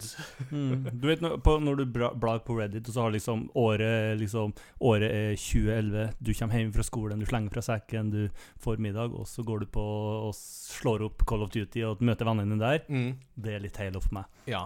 Akkurat det der. Ja, det var, det Det- var litt det var sånn en periode. Det var en veldig, veldig fin periode. Mm. Og jeg må si at det løfta jo den opplevelsen betraktelig, for det er jo da jeg innså at eh, Halo-spillene de er jo skapt for å spille sammen Ja. med folk ja, ja. i ett og samme rom. Altså i couch co-op. Det er der Halo briljerer Mm. på sitt beste. Og skuffelsen er fortsatt stor over at Halo 5 ditcha den modusen og kun har én spiller. Det er så det er massiv nesten som- Og det er som at 343 Industries og Microsoft Game Studios på et eller annet tidspunkt har glemt hva det er som gjør Halo til Halo. Mm. Nesten. Uh, og det er litt sånn rart. Og Halo Infinite Der eh, rakk de jo ikke å implementere co-op før spillet ble lansert. Men Mm. der jobber de i det minste med å få det på plass. Ja. Og det tror jeg er veldig, veldig bra. Det tror jeg er et spill som òg har veldig godt av å få co-op, og det kommer òg til å bli veldig artig opplevelse når mm. du får co-op. Jeg er litt usikker på om jeg skal gå tilbake og spille det i co-op, men det hadde jo vært veldig kjekt å spille det med deg. Det, det må jeg jo innrømme det. skal ikke hindre deg, i hvert fall, i å spille med meg. Det, det, er greit, det. Ikke sant? Mm. Så, så, så for meg så var ideell liksom Mitt forhold til Halo er jo veldig forbundet med at uh, det var Jeg kom ganske seint inn i Halo-spillinga. Mm. Men uh, da jeg først kom inn, og ikke minst da du og meg begynte å spille det i lag, så var det liksom Det, det var koseopplevelse til 1000. Mm. Det, men akkurat altså eh, Coop-opplevelsen, det var jo andre gangen jeg opplevde Eller fikk liksom kjent skikkelig på den følelsen. Første gangen jeg hadde det, det var i 2014. Ja. Da var jeg ettåring på Bibelskolen Fjellhaug. Mm. Og eh, så eh, i For da Altså, elevene har jo en sånn tomånederstur til Sør-Amerika. Mm. Eh, jeg var ettåring, så jeg skulle ikke på noen tur. eh, men jeg tenkte at jeg må, noen må jo passe på litt forskjellig spillutstyr. Så da tok jeg på meg den samaritanske jobben og passa på eh, Xboxen, Han ene. Å, så snilt av Eh, deg. ja, da. Og da var det jeg og en kamerat, Peter. Du Eh. That's gonna be confusing. Mhm. Eh, vi spilte da Halo O... mm, eh, o hva rekkefølge på bokstavene der. ODST? Ja, takk skal du ha. Eh, og så spilte på Legendary. Oh, for det òg er jo noe her, ikke sant? Altså oh. Legendary med all skulls on og Ja, ja, absolutt. Helt, helt i taket. For begge to var glad i Halo. Mm. Uh, ingen av oss det på den vanskelighetsgraden før, og det er jo et ekstremt bra spill. Mm. uh, så vi tenkte at vi starta der. Og det er artig. Mm. Når, jeg husker fortsatt på ene plassen, ene banen der. Vi var stuck på samme checkpointet i to timer, i hvert fall. To-to-tre timer. Wow. Og når du holder på og holder på og holder på, og holder på, og til slutt så liksom For det er et punkt hvor det kommer ned eh, seks, sju, åtte elites som er usynlige. Oh, ja. Eh, og så har du noen av Tankeblaster-skapninger òg, som Mm. eh, dukker opp. Ja. Eh, Hunt, hunters. ja, og når du dør på to skudd, så tar det tid, da. Oi, oi, oi. Det er så vanskelig. Men det, altså, det er så kjekt. at, at du ikke spiller mer From Software-spill når du har vært gjennom de tingene Ja, der, det er nesten litt utrolig, altså. Du er jo godt trent på hele den der You Died-formelen. Ja, men nei. Eh, altså, jeg prøvde meg på Dark Souls nå for eh, ganske nylig, og Mm. kjente ganske fort at det er ikke min greie. Mm. Eh, Ja, for det hva er forskjellen? sosiale For det første, altså det å Så når jeg spilte Dark Souls på, Det er jo på Nintendo Switch. Mm. Eh, men uansett, når du setter alene og bare blir Du blir frustrert og frustrert og frustrert. Du dør, du dør, du dør, og tenker OK, du kan prøve det, men altså, ja. Eh, Slitsomt. Når vi drev og Halo, så altså Samspillet, taktikken OK, de kommer der, og så planlegger hvor vi skal posisjonere oss. Eh, prøve å finne sammen. Kom, eh, sammen, komme fram til en løsning. Eh, altså, ja, det sosiale gjør det en helt annen greie, og igjen, Halo sammen er så verdifullt der. Mm. Aldri i verden om at orka, tror jeg, å gjøre det alene, men fordi jeg hadde en god spillkamerat attmed meg der. Ikke online hadde sikkert funka greit, men det å ha han der, det gjorde det en helt spesiell opplevelse. Mm. Uh, nei, så ja Så det igjen, at Halo 5 ikke har det, det, det er bare trist, Mm. er det. For de mister så mye av det viktigste, så mye som Halo står for. Ikke sant. For de som hører på, og som jo da kanskje er litt nysgjerrige på TV-serien, så er det litt sånn men, men aldri har spilt Halo. Så kan det jo hende at de er litt sånn Men, men hva handler egentlig Halo om?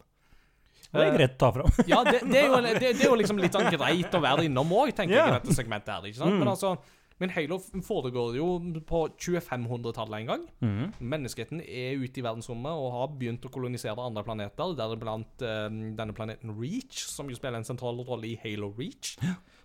Uh, og på et tidspunkt så støter jo de da på en um, ras, eller et um, samband av uh, alien-raser som kalles for Covenant. Og Covenant de liker ikke humans, enkelt og greit.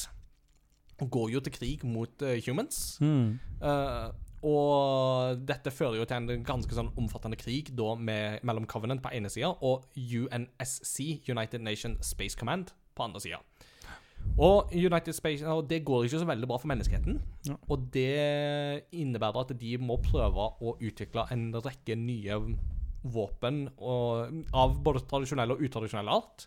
Og et av disse her prosjektene som jo da oppstår, det er jo da Spartan-prosjektet. Mm. Som da er et forsøk på å lage sånne supersoldater. Der man tar kids ifra barndommen av. Um, faktisk erstatter originale kidsene med kloner, sånn at foreldrene ikke merker det. Skiller da de originale kidsene ifra eh, foreldrene, og trener de da opp til å bli supersoldater.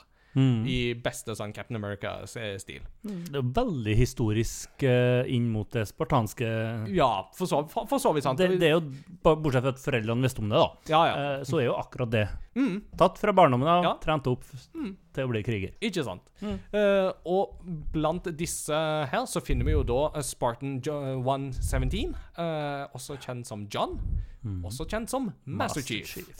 Eh, som jo da mm, er liksom kanskje den fremste Spartan-soldaten vi har av alle. Kronologisk sett så er det jo da Halo Reach som er satt først av disse spillene. Mm. Uh, det var jo det siste spillet som Bungie sjøl utvikla, og som da legger opp til liksom løpet man eh, Legger opp til på starten av det første Halo-spillet. Eh, men i Halo Reach så får vi jo blant annet òg se hvor bakgrunnshistorien til Eller sånn delvis iallfall bakgrunnshistorien til AI-en Cortana. Mm. Uh, som jo òg spiller en sentral rolle her. For uh, hun og Master Chief blir makkere i Halo 1. Uh, og hun er jo på mange måter det menneskelige aspektet inni dette her, der eh, Master Chief kan være en veldig sånn kald, taus killing machine på mange måter. Så har hun på en måte mer liksom de menneskelige observasjonene. eh, har de rappkjefta kommentarene eh, Mm. og har litt sånn attituden og litt sånt. Og Halo 1 begynner jo på mange måter med at Master Chief må få i oppdrag å ta Cortana og beskytte henne ifra The Covenant, som angriper dette skipet eh, Forward Unto Dawn, som de er om bord på. Mm. Fordi um, hvis, de, um, hvis Covenant får tak i Cortana, så vil de òg få tak i koordinatene til jorda. Mm. Uh, og hvis de da får koordinatene til jorda, så er menneskeheten fortapt. Ja. Og alt dette her skjer jo da samtidig som at uh, de eh, støter på en gigantisk konstruksjon i verdensrommet. Mm. Uh, som bare ser ut som en sånn gigantisk ring. En Mm. ekstremt stor ringform av verden, som da på innsida av ringen har jord, altså jordisklignende liv i seg. Altså Der er det himmel, der er det atmosfære, der er det fjord og fjell Kanskje ikke fjord, men sjø og fjell og skyer og skog og regn og ymse. Alt som hører til en planet. Alt som hører til på en god, gammeldags planet. Ja. Så når dette skipet jo da blir angrepet, så stikker Master Chief og resten av UNSC ned til Halo-ringen for å slippe unna Covenant. Og for Covenant så er disse Halo-ringene Eller denne Halo-ringen er veldig spesiell fordi at eh, de anser det som en hellig eh, konstruksjon. Um, og det viser seg jo da at en Halo-ring har kapasiteten, kort fortalt, til å utslette alt liv i galaksen. Ja. Basically bare iverksette en puls av et slag som da utrydder alt liv. Så da er det jo eh, rett og slett eh, kampen for menneskeheten fortsetter jo da på denne Halo-ringen. Mm. Og, og, og det er liksom litt sånn grove trekk, da, eh, kan, kan du si. De viktigste elementene, kanskje, å kjenne til før man går inn i Halo-universet med denne TV-serien. Det skal riktignok sies at ut ifra det vi har sett av trailer til TV-serien, så ser det ut til at de skriver litt om på historien og litt sånt, og det vil Mm. nok ikke være Altså, jeg, Hvis du går inn i den TV-serien og forventer en slavisk gjenfortelling av historien for spillene, så kommer du til å bli skuffa. Ja. Så her handler det noe mer om at de tar inn elementer og bearbeider det og skaper sin egen fortelling, og så får vi se hvordan det går. Mm. Åh, fikk lyst til å spille inn. Ja. Ja, ikke sant. Men det er jo sånn spørsmålet her er jo da altså hva En ting er jo hva rekkefølge skal man spille det i, men en annen ting er jo da um, Hva er de beste Halo-spillene, egentlig? Å, kjære vene. Jeg er kanskje mest spent på det siste, altså, for at det av liksom hva du skal spille først, så tenker jeg det er liksom to valg. Mm. Du begynner enten på Halo Reach Ja, ja. Og spiller de kronologisk derfra, eller så begynner du på én og spiller det ifra liksom produksjonsår. Mm. Så Jeg tror, altså, personlig så tenker jeg at det er noe veldig fint der òg. For da får du på en måte Altså, du får jo en fin introduksjon i, i den verden. Du får kjenne liksom det gamle, gode oppskrifter av Halo, der det hele starta.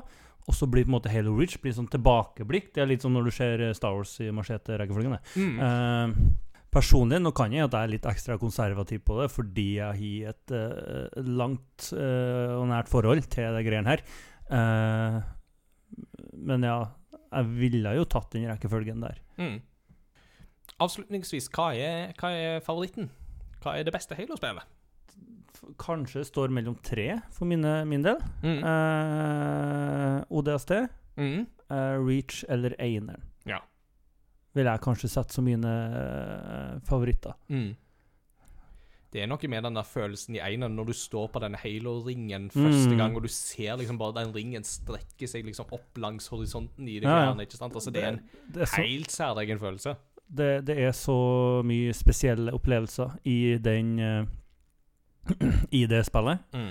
Eh, og så først når du Første gang når du liksom går ned i grotta og oppdager de små, ekle eh, Åh, den andre rasen her, mm. som vi trenger ikke å snakke så mye om sånn spoilermessig, Mm.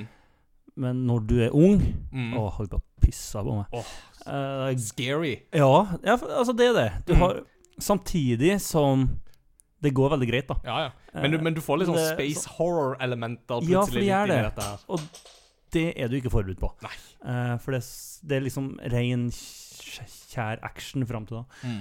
Um, så det har så mye blanda følelser der. Mm. Og så liksom, noen til nye spillene altså, Bare når, når du går med sniper i handa Du har ikke Du har ikke Du har det bare i handa. Hvis du ser i sikte, så vil du se landskapet som er foran sniperen. Mm. Og bare sånne små detaljer i de nye Halo syns jeg er så kult. Mm. Men ja. Eh, ODST, Reach eller Eneren, det er nok dem jeg liker best. Ja. Tror jeg. Jeg tror jeg vil stille meg bak den, altså. At, eh, for, for, for, for min del så har det liksom alltid vært liksom enten ODST eller Reach. Uh, ODST er rett og slett fordi at strukturen der er så annerledes. Mm. Altså, For mange så er det litt sånn Det er et spill som de ikke liker, fordi at det har en veldig oppstykka fortellerstruktur. Mm. Som de ikke liker så godt. Men det er noe med stemninga i det spillet som jeg syns er veldig spesielt. Og du spiller jo heller ikke en Spartan Nei. i det spillet heller. Du spiller rett og slett en sånn orbital uh, drop uh, shock trooper. Det er jo det Mm. ODST står for. Eh, altså at du dropper ned ifra liksom, atmosfæren ned på den lokasjonen der du skal Mm. infiltrere. Um, Og og så er det jo noe så med mange liksom- kule scener. ja, oh. så mange kule øyeblikk, og ikke minst musikken der, som er så Altså, For egentlig så er det jo liksom vant med det der gregorianske koret, ikke sant? Mm. så er det bare bam, ba, ba. Ja. Det, det, det er liksom Halo-musikken som er Ja, ellers. ja. Men, men mens her så får du mer liksom den der tilbakelente, lune jazz. Eh, altså Mm. Veldig sånn saksofon uh, Saksofon er jo liksom hovedinstrumentet i ODST. Mm. Og veldig sånn der melankolsk Varm, men samtidig litt sånn vemodig stemning som ligger litt sånn over hele tonebildet Mm. i det spillet. Som gjør at jeg er fryktelig, fryktelig glad i det. Og så ja. ja. er det jo da mm, Reach, som jo var det siste spillet som Bungie lagde, og som var litt sånn Nå går vi all in og bare lager det beste Halo-spillet vi kan lage, rett og slett. Mm. Uh, og som òg er jo litt sånn Hvis du kan din Halo-historie på det tidspunktet, så er det jo òg litt sånn at du vet hvordan det går med planeten Reach. Den, det går ikke så bra med den. Nei. Så det at de setter et spill til den konfrontasjonen der mellom menneskeheten og Covenant Mm. på Reach, det, det har en veldig sånn dramatisk effekt, det Ja. Og der spiller du vel heller ikke uh, Master Chief? Du spiller ikke Master Chief, nei, men du spiller jo Spartans Ja. der. Uh, I motsetning til Og- ODST. da. Og det er jo et følelsessprengt spill. Ja. Der, det, altså, veldig mange snakker jo altså, Man snakker jo ofte om Når det kommer til følelser, så er det jo uh, Call of Duty Modern Warfare 2, Mm. som er sånn Du sitter på gråten. Halo Reach har noe vanvittig følelseslada Mm. Åh. Absolutt. det, det er noen heftige scener der òg, Mm. eh, som er De men god til å lage kule scener. Bungee kan det der. Altså. er så god! Ja, er på det. uh, et element som jeg bare liksom må slenge inn òg, liksom, før vi tar pause, er jo en, en ting som serien òg var veldig veldig god på og revolusjonerende på, var jo AI. Mm. Altså, her fikk du fiender som på en måte finta bevegelsene Mm. dine, og på en måte tenkte taktisk, skulle omringe deg og Mm. sånne ting. Eh, og så er det jo veldig artig med at de, de forskjellige rasene i Covenants de er veldig veldig forskjellige. ikke sant? Ja, Altså. Elites det er jo de du frykter, og Hunters de er jo noen beist. Men så har du disse grunts ikke sant, som bare springer rundt og bare sånn I don't wanna be here! Ja, ja. Sånn. Helt til de bestemmer seg for å kjøre full kamikaze. ja. Eh, Og, og det som, eh, og det, som eh, det nyeste Halo Infinite gjør så bra, mm. det er alle disse småkommentarene til grunts. Altså, det er regelrett funny. Altså, da er de Ja. litt sånn andre, Ah, dips on his helmet! Eh, For eksempel oh. hvis du dør og sånt. Men så er det sånn andre ganger så er det bare sånn eh, Are you still there? mm. Are you mad? Åh, Syns du litt synd på ham? Der, eh, Last one to survive wins! Jeg er vet, så- jeg vet ikke om du da har håp, eller om du bare vet at du får tapt og skal gjøre det til en lek. Og så er det jo en annen gang òg, så og så har de sånn der propagandatårn der de liksom bare spytter ut masse sånn informasjon og sånt. Og så er det, hvis du bare står og hører på de, så er det sånn De, de kommer med så mange bra kommentarer. Mm. Så en gang så er det jo en av disse grunts som sitter og snakker i sånn propagandatårn som bare begynner sånn da, da, da, da, da, da, da, da, da, da, da, da, da, da, da. I hate that song! Åh, det er jo nydelig. Det, det, det er sånn Det var sånne ting som løfta Halo Infinite-opplevelsen. For Mm. meg, det var disse her småkommentarene til Grunt. Og så plutselig Ja. så var det blitt Jeg hadde ikke forventa at jeg skulle sitte og le så mye som jeg gjorde Nei, mens jeg spilte Halo Infinite, oh, men det gjorde jeg. det er jo brillelig fint. Mm. Også, men sånn tilbake, altså AI. Cortana er jo en fa Altså Ingen spill har klart å lage en så bra AI-karakter, Nei. som jeg vet om, i hvert fall. Nei. Og mye av det er jo takket være det, Det- gode stemmeskuespillet til Jen Taylor. Ja. Hun er så flink, Mm. og det er Og det er sånn Ja, det er jo et område der den på en måte, hva skal du si, cinematiske fortellerteknikken som, Mm. altså, Det er jo veldig på en måte sånn blockbuster, Michael Bay explosion. Altså, Mm. altså veldig den der tidlig 2000-tall-følelsen. Men det er likevel veldig kult å se spill gjøre det på den måten der. Mm. Uh, og som sagt, altså Stemmeskuespillet til f.eks. Jen Taylor da, som uh, Cortana, Mm. eller um, til um, åh, Jeg husker ikke Master Chief sin stemmeskuespiller akkurat i farten. Men altså, han, altså, han sier jo ikke mye, men de gangene han sier noe, så er det jo sånn Det, det sitter så bra. Mm.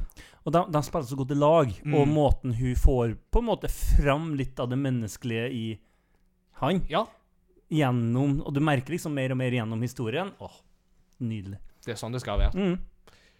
Så yes, Halo eh, 20 år seinere så fortsetter det å være en serie som setter sitt preg på oss. Mm. Eh, Få det på. Få det på. Men det er de klassiske spillene der. Eller bare mm, om, om du er nysgjerrig eh, Last ned Halo Infinite og spill multiplayeren, da vel. Den er gratis. eh, Mm. Og gir deg jo en liten smakebit på liksom Halo-opplevelsen, den òg. Mm. Så um, test det ut, og sjekk det ut. Og så Mm. blir det jo veldig spennende med TV-serien når den kommer nå 24. mars. Ja. jeg. Oh, jeg kom på én ting til okay. som er Det var på Det blir på 360, eh, Xbox 360 til så da. Mm. Eh, det blir jo et Ja. Jeg, der, der har du et spill som er vanvittig artig. Det er um, Dere spiller tre mot tre, fire mot fire, husker på det. Eh, anyway, eh, målet er at du skal få tak i du, du, Det er på en slags fotballbane, eller en firkant. Mm. Det eneste våpnene som er i denne banen her, det er hammer, og det er sverd. Eh, og så målet at du skal sprenge til motstanderens side, ta den ballen, og så komme tilbake. Mm. Eh, flestene bruker hammeren, for den er Ja, den slår hardt og litt sånn bredt. Og den følelsen For når du, ha, er, når, når du har den ballen i handa, så kan du kun sprenge. Mm. Og når du slår med hammeren, så smeller det. For han Mm. slår i bakken. Og den følelsen når du springer, og så hører du bare rett bak deg Bom! Bom! Bom! Bom! Altså Dere som har spilt Call of Duty eh, på, med lav HP, one, eh, one bullet in chamber, eller hva det heter, vet litt den følelsen der. Altså, det er så adrenalin som du kan få til å bli.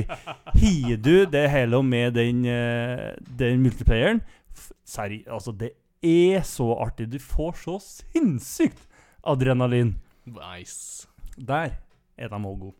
Kult. Det er bare kompo... Ja. Ja. Videre. Sweet.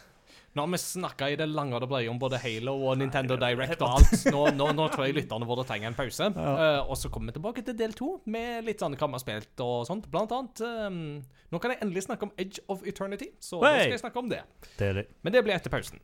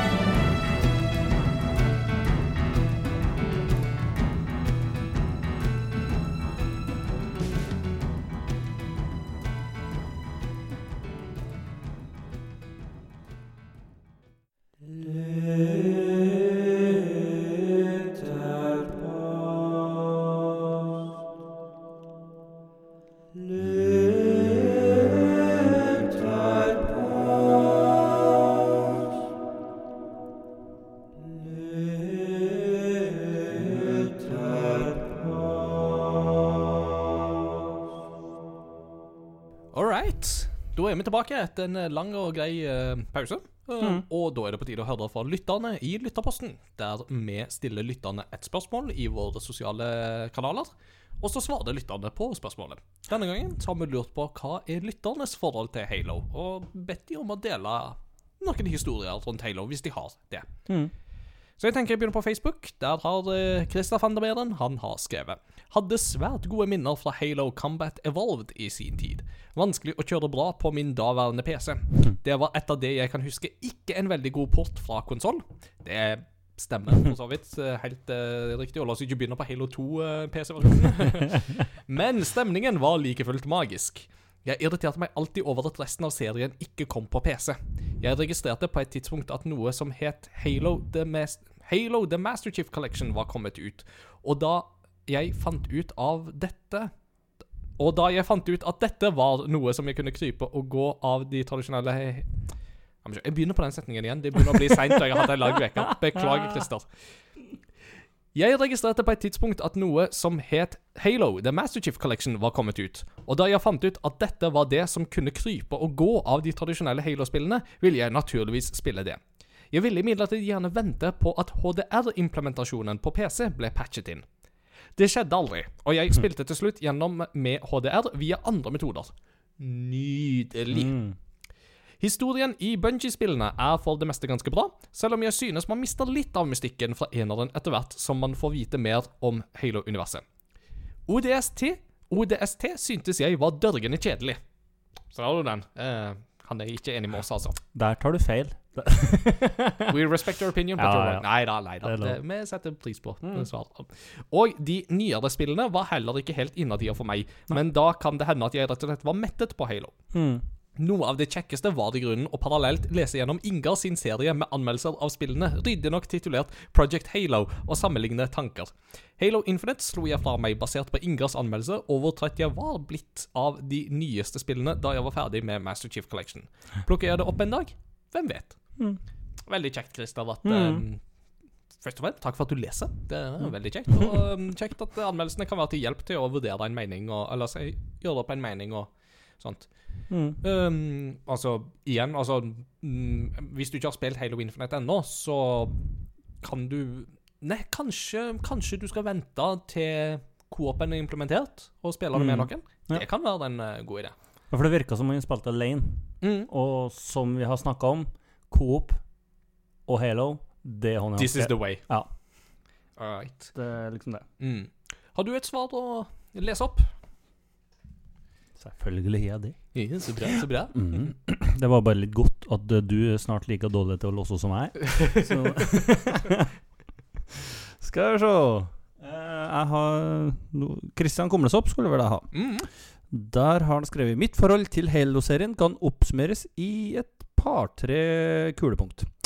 Master Chief ser ut som en maskulin Se- Samus Aran. OK, sure. Altså. Ja, ja. ja. Det Jeg skjønner. Mm. Jeg tror jeg kjenner meg igjen Jeg tror jeg kjenner igjen tittelmelodien hvis jeg hører den. Ok, Der må du faktisk få det på. Eh, Cortana i Windows stammer derfra. Gjør hun ikke det? Det er riktig. Mm. Uh, AI, altså Ja. Mm, Amazon har jo Alexa. uh, Google har Cortana. Nei, Google har bare Google. Google. Ja, Eh, men Microsoft ja, men Microsoft sin versjon da heter jo da Cortana. Ja. Bortsett fra at Cortana i Halo eh, bruker folk. Eh, Cortana på Windows er det vel ingen som har trykt på. Er bortsett fra å teste ut det første gang du ser det. det jeg tror jeg aldri har vært borti noen som har brukt den eh, flittig, i hvert fall. Jeg har prøvd liksom å se Går det an å installere Cortana på en Android-telefon. Det ser ikke ut som at det er en lett måte å gjøre det på. Og da hadde det liksom uteblitt. Har ikke Windows egne telefoner, kanskje der? De hadde jo det, men Ja. de har jo slutta med det nå. Ja, ja. Sikkert der. Mm. Får kjøpe en sånn en. Så ja. Mm. Så han er, han er verdens største Halo-fan. Altså. Mm. Nei, men det er lov. Ja, ja, ja. Absolutt. Det er kjekt, det. Mm. Adrian, eh, eller Skorpus som han nå kaller seg, han skriver 'forhold'. Forhold! Forhold til Halo! Jo, altså, jeg har prøvd det første Halo til Xbox i sin tid. Holdt på i ca. et sted mellom fem og ti minutter før jeg ga meg over. Ikke fordi jeg ikke likte spillet, men heller det at kontrolleren den gang var for stor for mine søte små hender.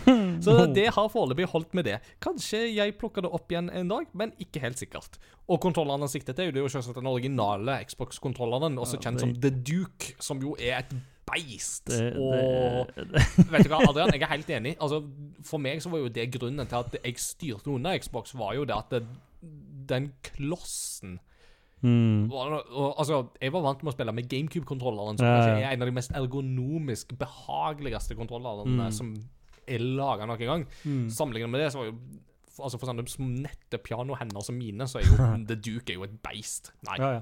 Men eh, Xbox-kontrollerne etter den der Mm, perfect. Altså Good, good stuff. alltid likte det Mm. PlayStation sin og Mm. alt sånt der. For det fylte, det, lå, det fylte liksom handa. Mm. Så du hadde liksom heil, Fingrene lå hele veien tett inntil kontrolleren. Mm. Og Nei, deilig. Ja da, og særlig nå med nye series, så har de virkelig truffet der, altså. Mm. Excel litt. god nyhet. Du var ikke for sen læl. Sigrun skrev Ble akkurat litt for sent for denne. Nei. Så det er veldig dumt. Nei. Men tenkte jeg skulle slenge ut en kommentar allikevel. Så bra! Ja! Jeg har, jeg har ikke hatt så veldig Hatt så veldig forhold til Halo-serien. Jeg har spilt eneren og treeren på PC og på Xbox 360 i sine dager. Jeg har aldri spilt coop med noen. Få det på. Du kan jo, eh, du kan jo kanskje ta det opp med et par av dem oppafor som har kommentert. da. Mm. Um, så ja. Det mest interessante er, jeg kan fortelle, er Visste dere at i de spede dager av Halo-humorvideoer fantes det en konkurrent til Red versus Blue? Jeg likte veldig godt å se på Arby and the Chief, hvor actionfigurer av disse to karakterene levde sammen i den virkelige verden. Begge to begge to av de spilte Halo, og The Chief var en parodi på den usmakelige 14-åringen i skytespill-lobbyen på den tiden. Det, det som satte prikken over i-en, var at var at de var gitt åh, De var gitt stemme. stemme av Microsoft Mike og Microsoft Sam. Nice. Red versus Blue var en sånn ting vi ikke snakket om i del 1, men det var jo en sånn online humorserie der folk brukte Halo-spillene til å lage humorvideoer, rett og Mm. slett. En av mine favoritter der er jo fortsatt den der de skal forklare the real life versus the internet. Der de liksom skildrer liksom ulike scenarioer, og hvordan det scenarioet foregår i real life, og hvordan det scenarioet foregår um, på internett. Mm. Liksom, mm, for eksempel sånn situasjon der du har liksom vanlig sånn der, eh, Når du skal møte nye folk, så er det bare sånn her, I real life så er det jo liksom sånn Ja, nice to meet you, nice to meet you. you mind if I give you a call later? Ja, ja det går fint, altså. På internett så er det bare sånn Yeah, yeah, so You're not a real girl. What? Of course I am. Oh, it's a real girl. Who's a girl? I like girls. no, no, I am really a girl. Tee hee hee hee. Send me naked pictures. OK. Sånn. Det, det bare går liksom helt absurd, absurd galleriet til tusen, liksom. Det, Det var ene videoen som jeg så, så bare So Lucy, how long have you been a girl? Og det er sånn uh, Alltid. det er sånn Så, Ja. Bare Men Excelit var ikke helt ferdig, da. nei. Oh, Hun var det under. Ja da. Apropos dette, hun skrev under. En ekstra. Uh, apropos dette, siden Xbox eier så mange ulike rollespillfigurer nå, det er jo 100% nødvendig at det legger til et easter egg-våpen som heter The Duke. Ja Det må jo skje. Det må jo skje i et av disse her um, Obsidian-spillene eller et eller annet sånt. Så Mm. må det jo det definitivt komme. Det er liksom det. Mm. Så der, der har, har dere det, folkens. Um, ulike minner um, fra Halo-spillene. Alt fra mm, mange, mange minner til noen som har skrapt litt borti. Men alle har i alle fall uh, kunnet fortelle noe om Halo og sitt forhold til det. Så hvis dere vil svare på lytterpostene våre neste gang, så er det bare å følge med på våre sosiale kanaler, og dere finner lenker på crossovergaming.no.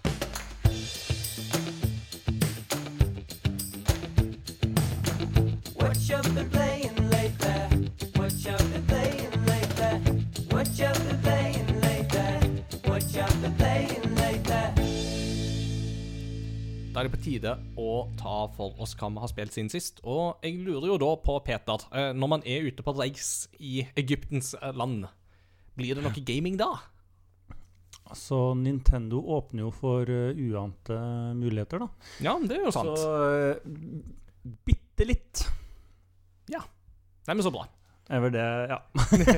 Som sagt, det var så fullspekka med opplegg at uh, Fikk ikke så mye tid, faktisk, men uh, bitte litt. Det Mm. fikk, uh, fikk jeg jo Ja. Um, Så da take it away. Mm. Nå var jo ikke jeg med på forrige episode, så jeg har jo Så jeg drev liksom og gravde litt baki der, da. Hva jeg spilte før jeg reiste. Og da var det, så jeg har jo spilt Forgotten City. Jobber Ja. jo litt med det. Uh, Overwatch, Warzone. Mm. Og så til turen så lånte jeg jo Ori and the Blind Forest. Ja. Uh, Var det ikke Ori and the Will of the Wisp du lånte, da? Det var Will of the Wisp, ja. Ja, for du var ferdig med Blind Forest. Jeg reiste i 24 timer i går, så jeg er litt unnskyldt.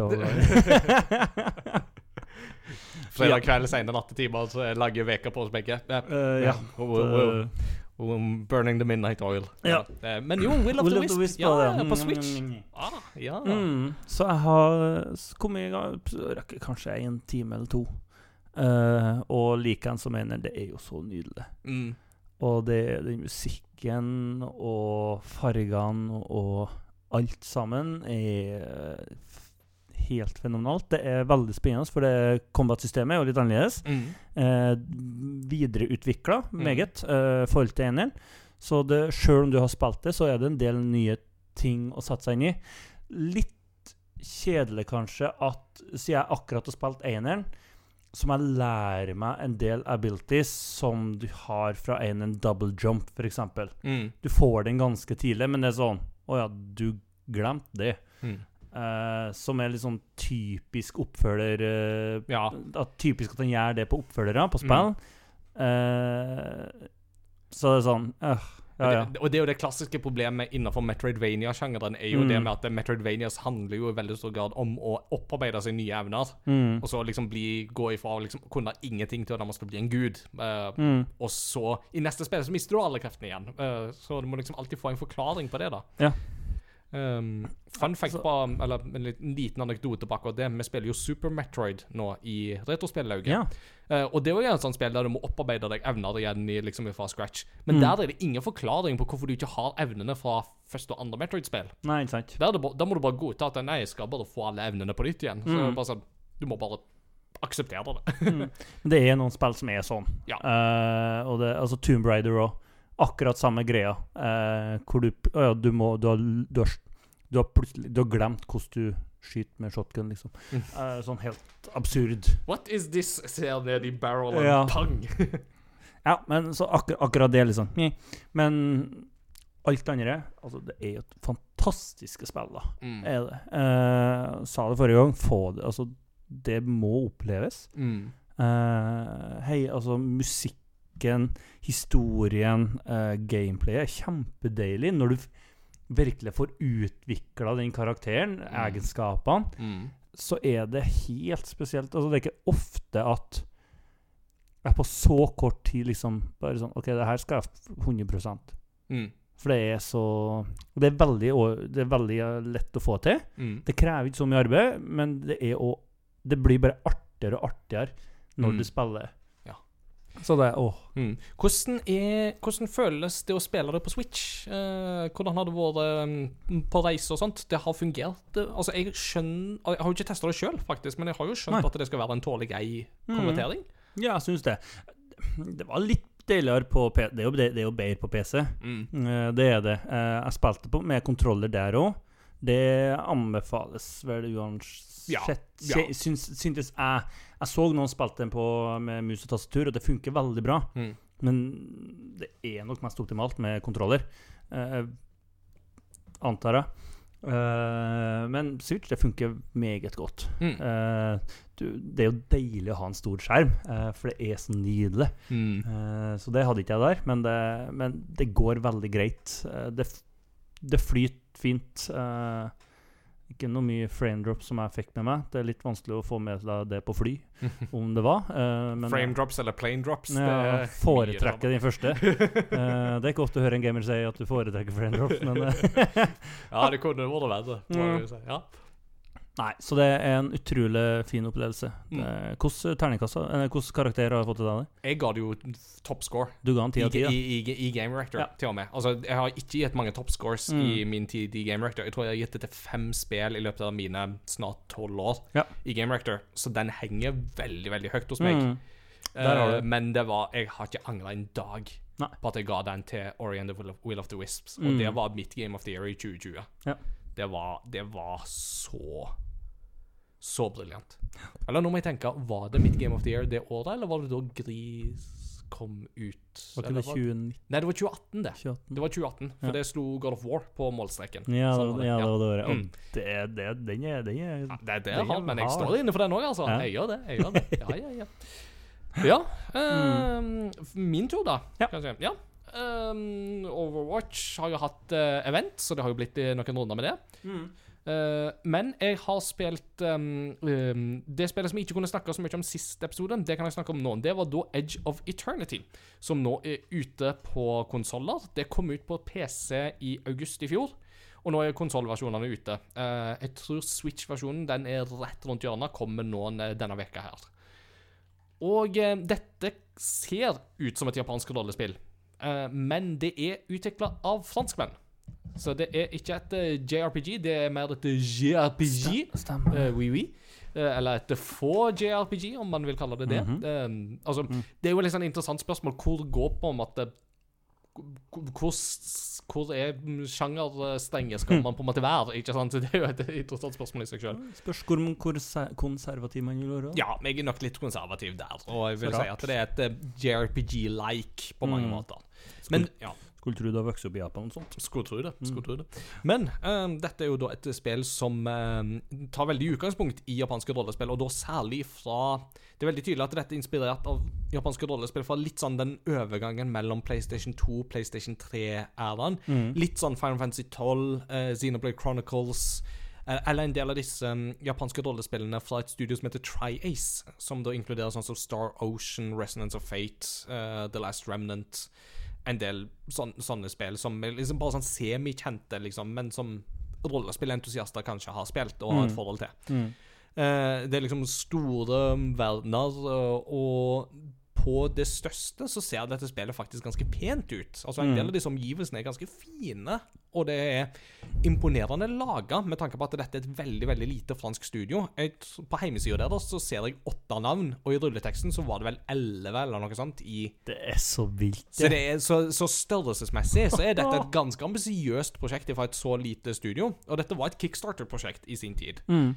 Uh, men Og her kommer liksom de store mennene. Det er en veldig god grunn til at rollespill av denne typen ofte utvikles av store team. Mm.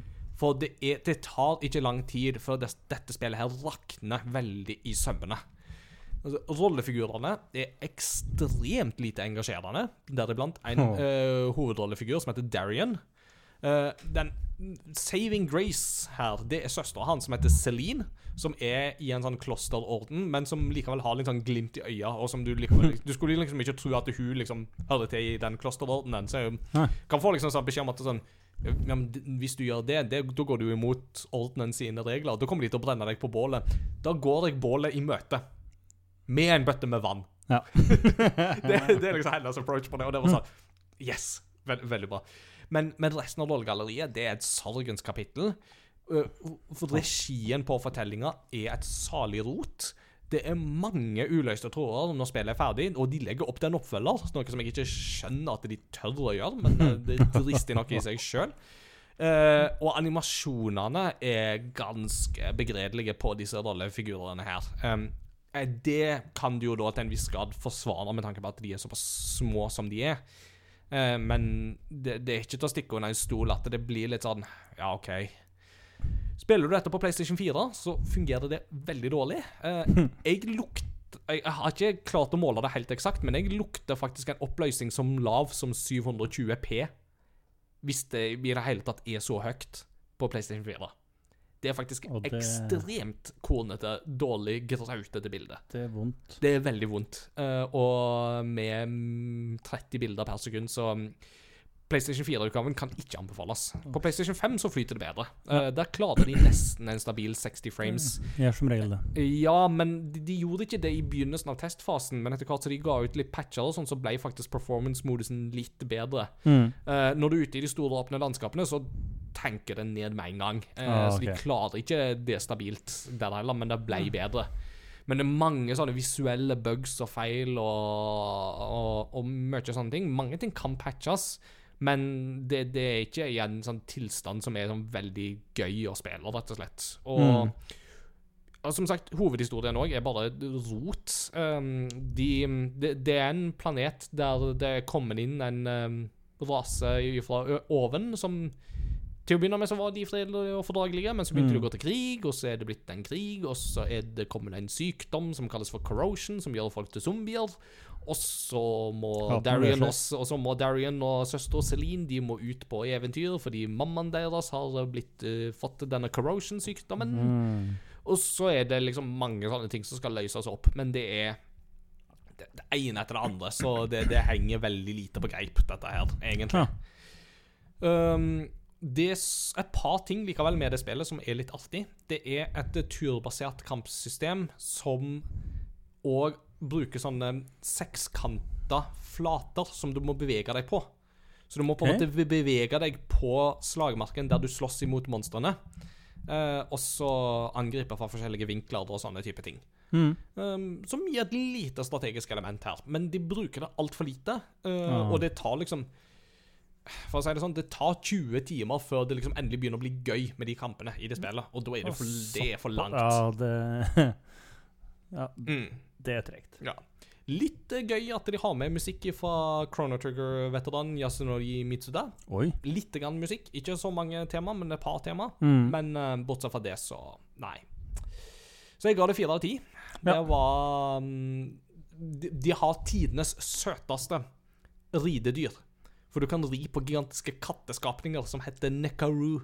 Og Oi. de er så søte. De er supersøte. Du kan klappe de, og så blir de skikkelig så glad for den og får hjerte. Og sånt, og så blir de supersøte. Jeg skulle nesten fått en femmer bare på Og, det. og også, også når du da rir på de, så kan de plutselig merke at Oi, nå er det et eller annet i nærheten som uh, treasure. Så får de sånn der, eh, radar-lignende ting, og så får de sånne, begynner de å purre. Bare sånn Så må du liksom finne den plassen, og så når du kommer dit, så begynner de å grave i sanden, og så finner de en skatt. Eller et monster.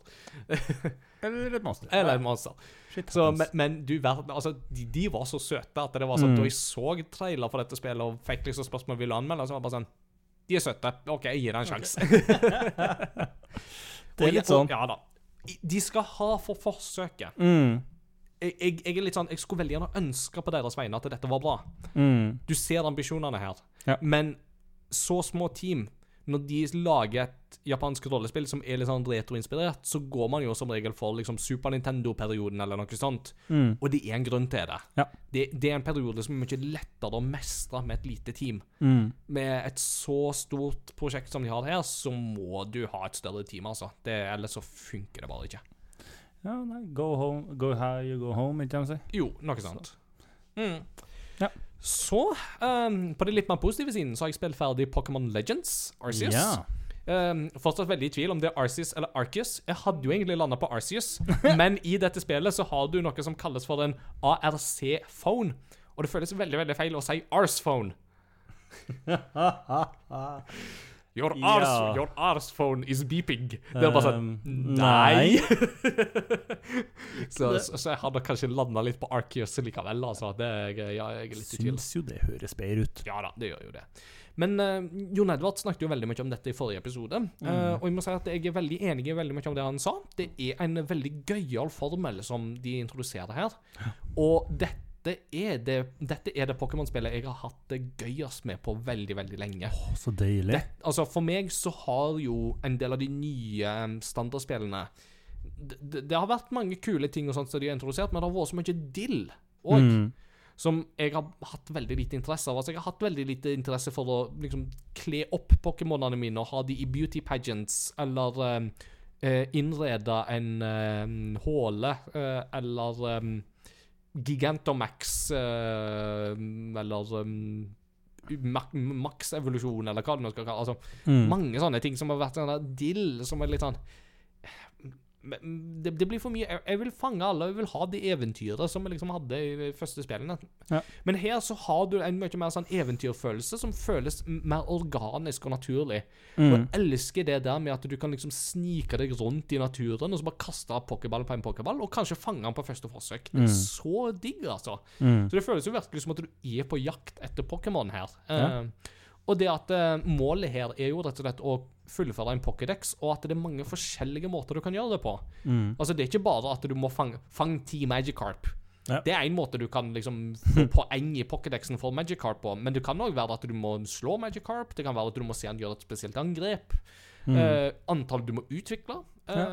Eller um, Det er mange sånne forskjellige småaktiviteter da som Ja. må til. Og jeg syns at det er en sånn veldig gøyal formel, altså. Selv om det er mange ting som blir litt like, um, så er det noe De, de er definitivt inne på en gøyal, riktig formel her. Uh, jeg syns kanskje at verdenen blir på en måte litt tom, fordi du kommer inn i et sånt semiåpent område, og så er det bare Pokémon der. Det er ikke folk, det er ikke Mm. Nei. Altså, det, det, det er jo ingenting annet der enn ville Pokémon. Og det er jo greit nok at vi liksom kaster tilbake til en tid der det, det skal være sånn, og det er greit. Men um, jeg ser veldig for meg at dette er en formel som de kan videreutvikle og jobbe med videre. Mm. Uh, litt svak på noen tekniske områder og sånt, men ingenting som er liksom kritisk. Det er bare likevel ting jeg skulle ønske at de hadde klart bedre. Ja. Uh, ikke minst fordi at du har spill som Breath of the Wild, uh, Monster Hunter Rise, Mm. eh, Xenoblade Chronicles 2, som klarer en del sånne tekniske ting med den åpen verden-formelen så mye bedre. Ja, jeg husker jo på når traileren kom at det ligna jo veldig på Breath of the Wild. Ja, Uh, det, det, Man kan tenke fort at det er liksom Breath of the Wild, men jeg tror det er bedre å tenke Monster Hunter. Her. Ja. Altså at du har, en, du har en landsby som du har utgangspunkt i, og fra den så drar du til forskjellige liksom semi-åpne plasser. mm. Uh, og så, så men, men den formelen funker veldig bra, altså. Og en ting som er veldig gøy, er at i dette spillet så har du jo sånne alfa-pokémon som er rundt omkring, som er liksom gigantversjoner av vanlige pokémoner. Det er veldig tydelig at de er sjefen. Ja. Og de er store, og de er skumle, og de har røde øyne, og ser det liksom brøler de og kommer mot deg, og alt sånt. Og til å begynne med så er jo de så høy level at du må jo bare fly vekk med en gang, selv om det er en bidoof, som er en en Ja. Sånn. Men etter hvert så går du i kamp med de, og du fanger de og sånt. til og med, og når du da liksom kan til og med begynne å bruke de sjøl, da er det veldig gøy, altså. Åh, deilig. Mm. Så mm, det, det er noen Jeg tviler veldig på at dette kommer til å nå en topp ti på min liste i år, men det er fortsatt veldig veldig gøy og kan varmt anbefales. Og hatt, dette er det Pokémon-spillet jeg har hatt det mest gøy med på kjempelenge. Så deilig. Mm.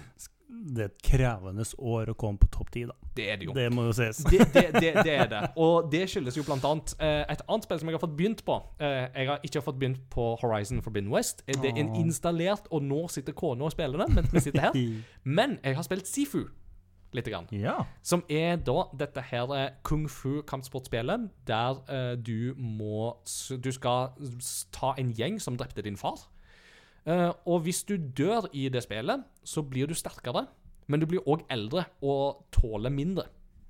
Eh, og hvis du blir for gammel, så dør du, og da må du begynne på nytt igjen på det brettet. Det er interessant. Ja, så dette er en eh, beat them up uh, action uh, et actionspill der um, det er òg litt sånn på en måte litt sånn Souls-element i det, med at fiendene har som regel en sånn stagger bar. Som da er sånn at hvis du klarer på en måte å fylle det meteret, så kan Mm. du få inn liksom kraftige finishers på de. Ja. Så det er ikke sånn at du må liksom da ta all helsa deres. Du kan bare på en måte, hvis du blokker slagene deres, eller dukker unna, eller eh, forskjellige sånne type ting, så fylles den stagger, the stagger-meteret opp, og så mm, blir de litt sånn vaklende og sånt, og da kan du få inn kraftige finishers på de. Stemmer. Og dette er et veldig sånn spill som er litt sånn, det, det er ganske krevende, det er ganske vanskelig, men det er òg veldig, veldig givende. Det er, mm, flyter godt, kontrollsystemet sitter veldig som støpt, Mm. og jeg koser meg veldig med det, egentlig. Det er en veldig sånn utfordrende og veldig tøft. Um, første gang jeg tok første bane, så var jeg 49 år da jeg var ferdig. Så gikk jeg tilbake litt seinere, og da begynner på bane nummer to som 49 år. Da har du et veldig dårlig utgangspunkt for å faktisk klare å bli helt ferdig med spillet. Ja. Eh, Så jeg gikk etter hvert tilbake og tok eh, bane nummer én på nytt. Da kunne jeg ta en snarvei, eh, og da Ja. mm, klarte jeg å redusere det til 24 år. Og så har jeg tatt det en tredje gang, og da er jeg 23 år. Og så skal Ja. jeg da fortsette litt sånn ut ifra det. Jeg har klart de to første banene så langt, og kommer til å fortsette med dette. Og det er veldig gøy og givende så langt. Kult. Så- Artig konsept. Veldig artig Det konsept. er Det er en veldig sånn videreutvikling av litt sånn her eh, klassiske Streets of Rage og Mm. litt sånn Double Dragon, den type eh, formel, men med litt sånn på en måte andre action-elementer og litt bitte litt snev av From Software-spill Mm. inni det. kult. Du må liksom ta litt Og så må du ta litt mer hensyn, da. Mm. Det, du kan ikke bare kjøre på. Nei, du må være veldig tålmodig og time tingene dine og sånt der. Og så er det veldig gøy at hvis du har sett litt eh, kung fu-filmer, særlig litt sånn klassisk kung, kung, kung fu-filmer, så er det mye referanser her. Det er ganske mange referanser. Det er kjekt. Det er veldig, veldig kult. Eh, Du har jo blant annet i første banen så er det veldig fort at du kan få assosiasjoner til The Raid, for eksempel. Ja. Uh, og ikke minst en sånn en. Og ikke minst en sånn korridorscene som er som snytt ut av Oldboy. Så Ja. ja. Så Jeg har ikke sett den filmen, men jeg har sett den scenen. du har sett den scenen? Den D- ja. er helt vill. ja. Så det den, den, den har du her, Dag. Så varmt anbefalt så langt, iallfall. Kommer nok med anmeldelse av begge deler på crossovergaming.no etter hvert. digg.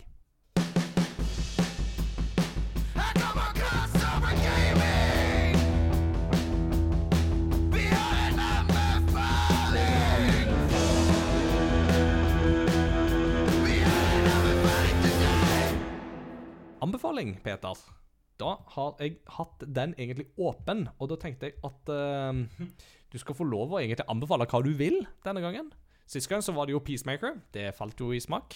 Mm. Eller det var det Det var Nei, det Eiriks, det var 14, Eiriks 14, anbefaling. ja, 14 dager siden. Ja, ja. ja. Sist gang så, Så- var det um, Sist gang så var det Jon Edvard som anbefalte. Men um, hva vil du anbefale denne gangen? Uh, jeg har lyst til å anbefale noe så ambisiøst som en tur til Egypt. Oh, du vil anbefale et land? Yes! Nei, men sånn, åh.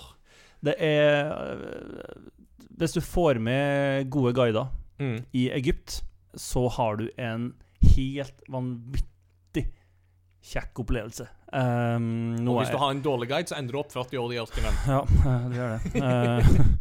Eh, Nå var det Gud som var guide der, da. Men anyway.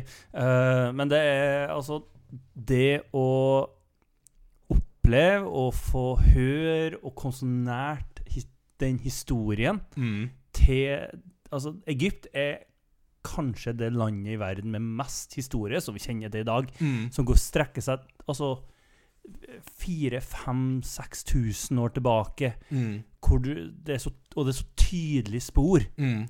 Hvor vi kan si 'sånn var det i dag'. Altså, nå kan jeg si hvordan eller hvordan arbeidet for pyramidene gikk for seg.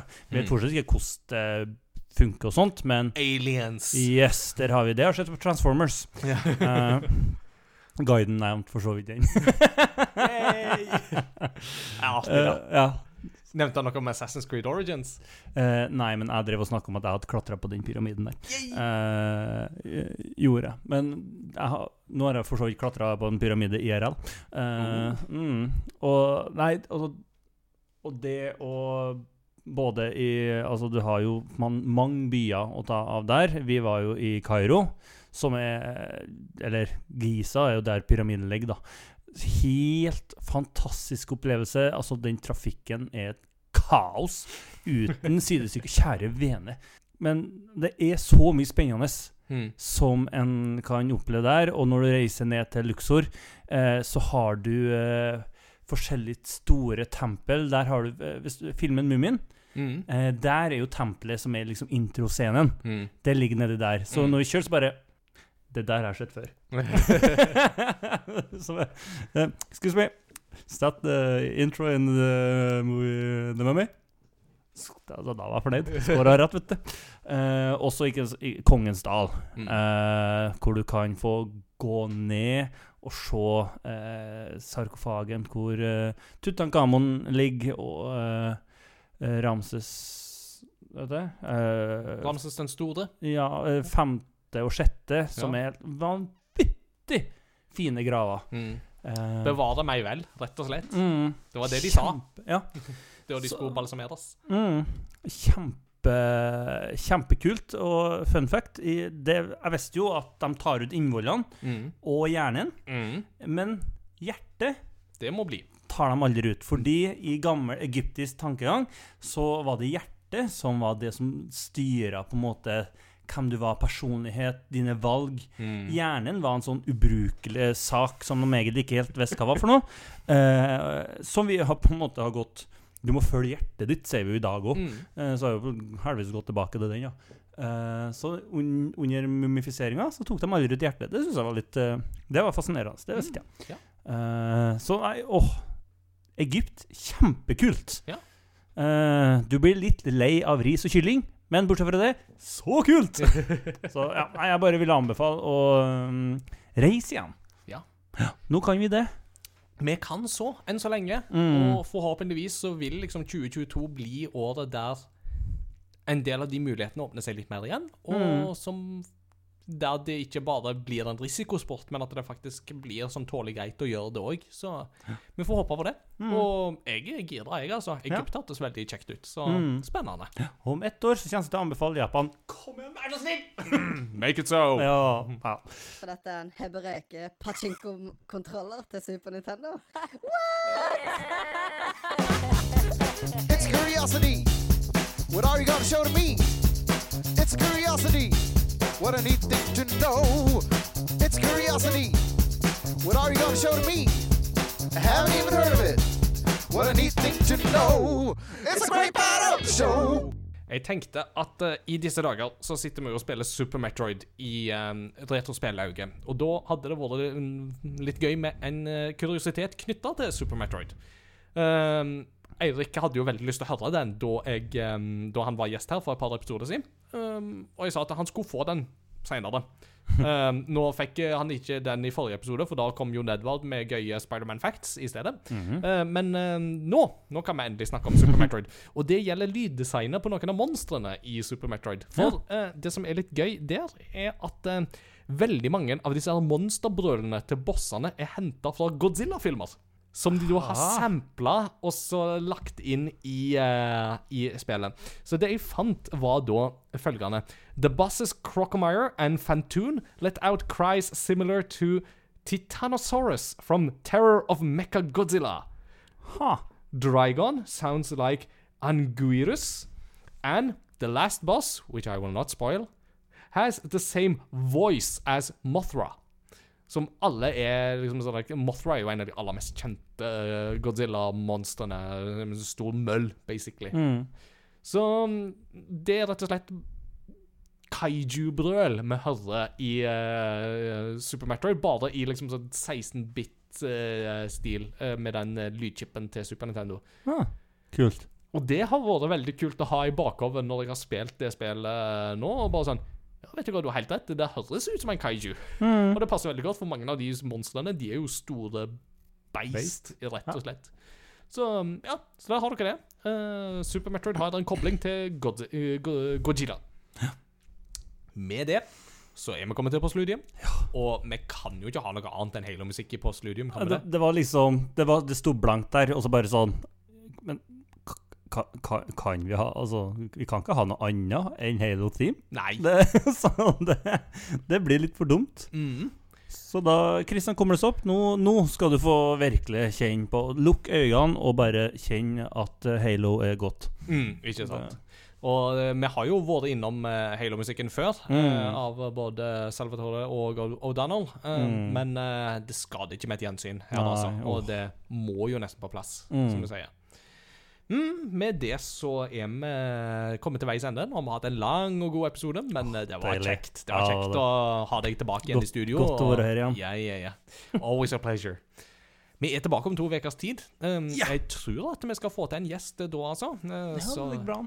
ja, så det, det blir veldig bra. Vi har planer. Uh, og så er det jo spørsmål om eh, med liksom covid og korona og arbeidsplaner og folk har kids og sånne ting. Og rart. hvordan- Gid. Nei, kid, ikke gidd. Oh, ja. Ja. Uh, til dere som eh, hører på, sjekk oss gjerne ut på crossovergaming.no. Der finner dere litt anmeldelser i ny og ne, og dere finner lenker til vår Discord-server, som er veldig kjekk og trivelig plass å henge. Der, der må du bli med. Der må du bli med. Det er veldig, veldig artig. artig. artig for. Mm. Tusen takk for at dere hørte på, og vi snakkes ved neste korsvei. Ha det bra! Ha det.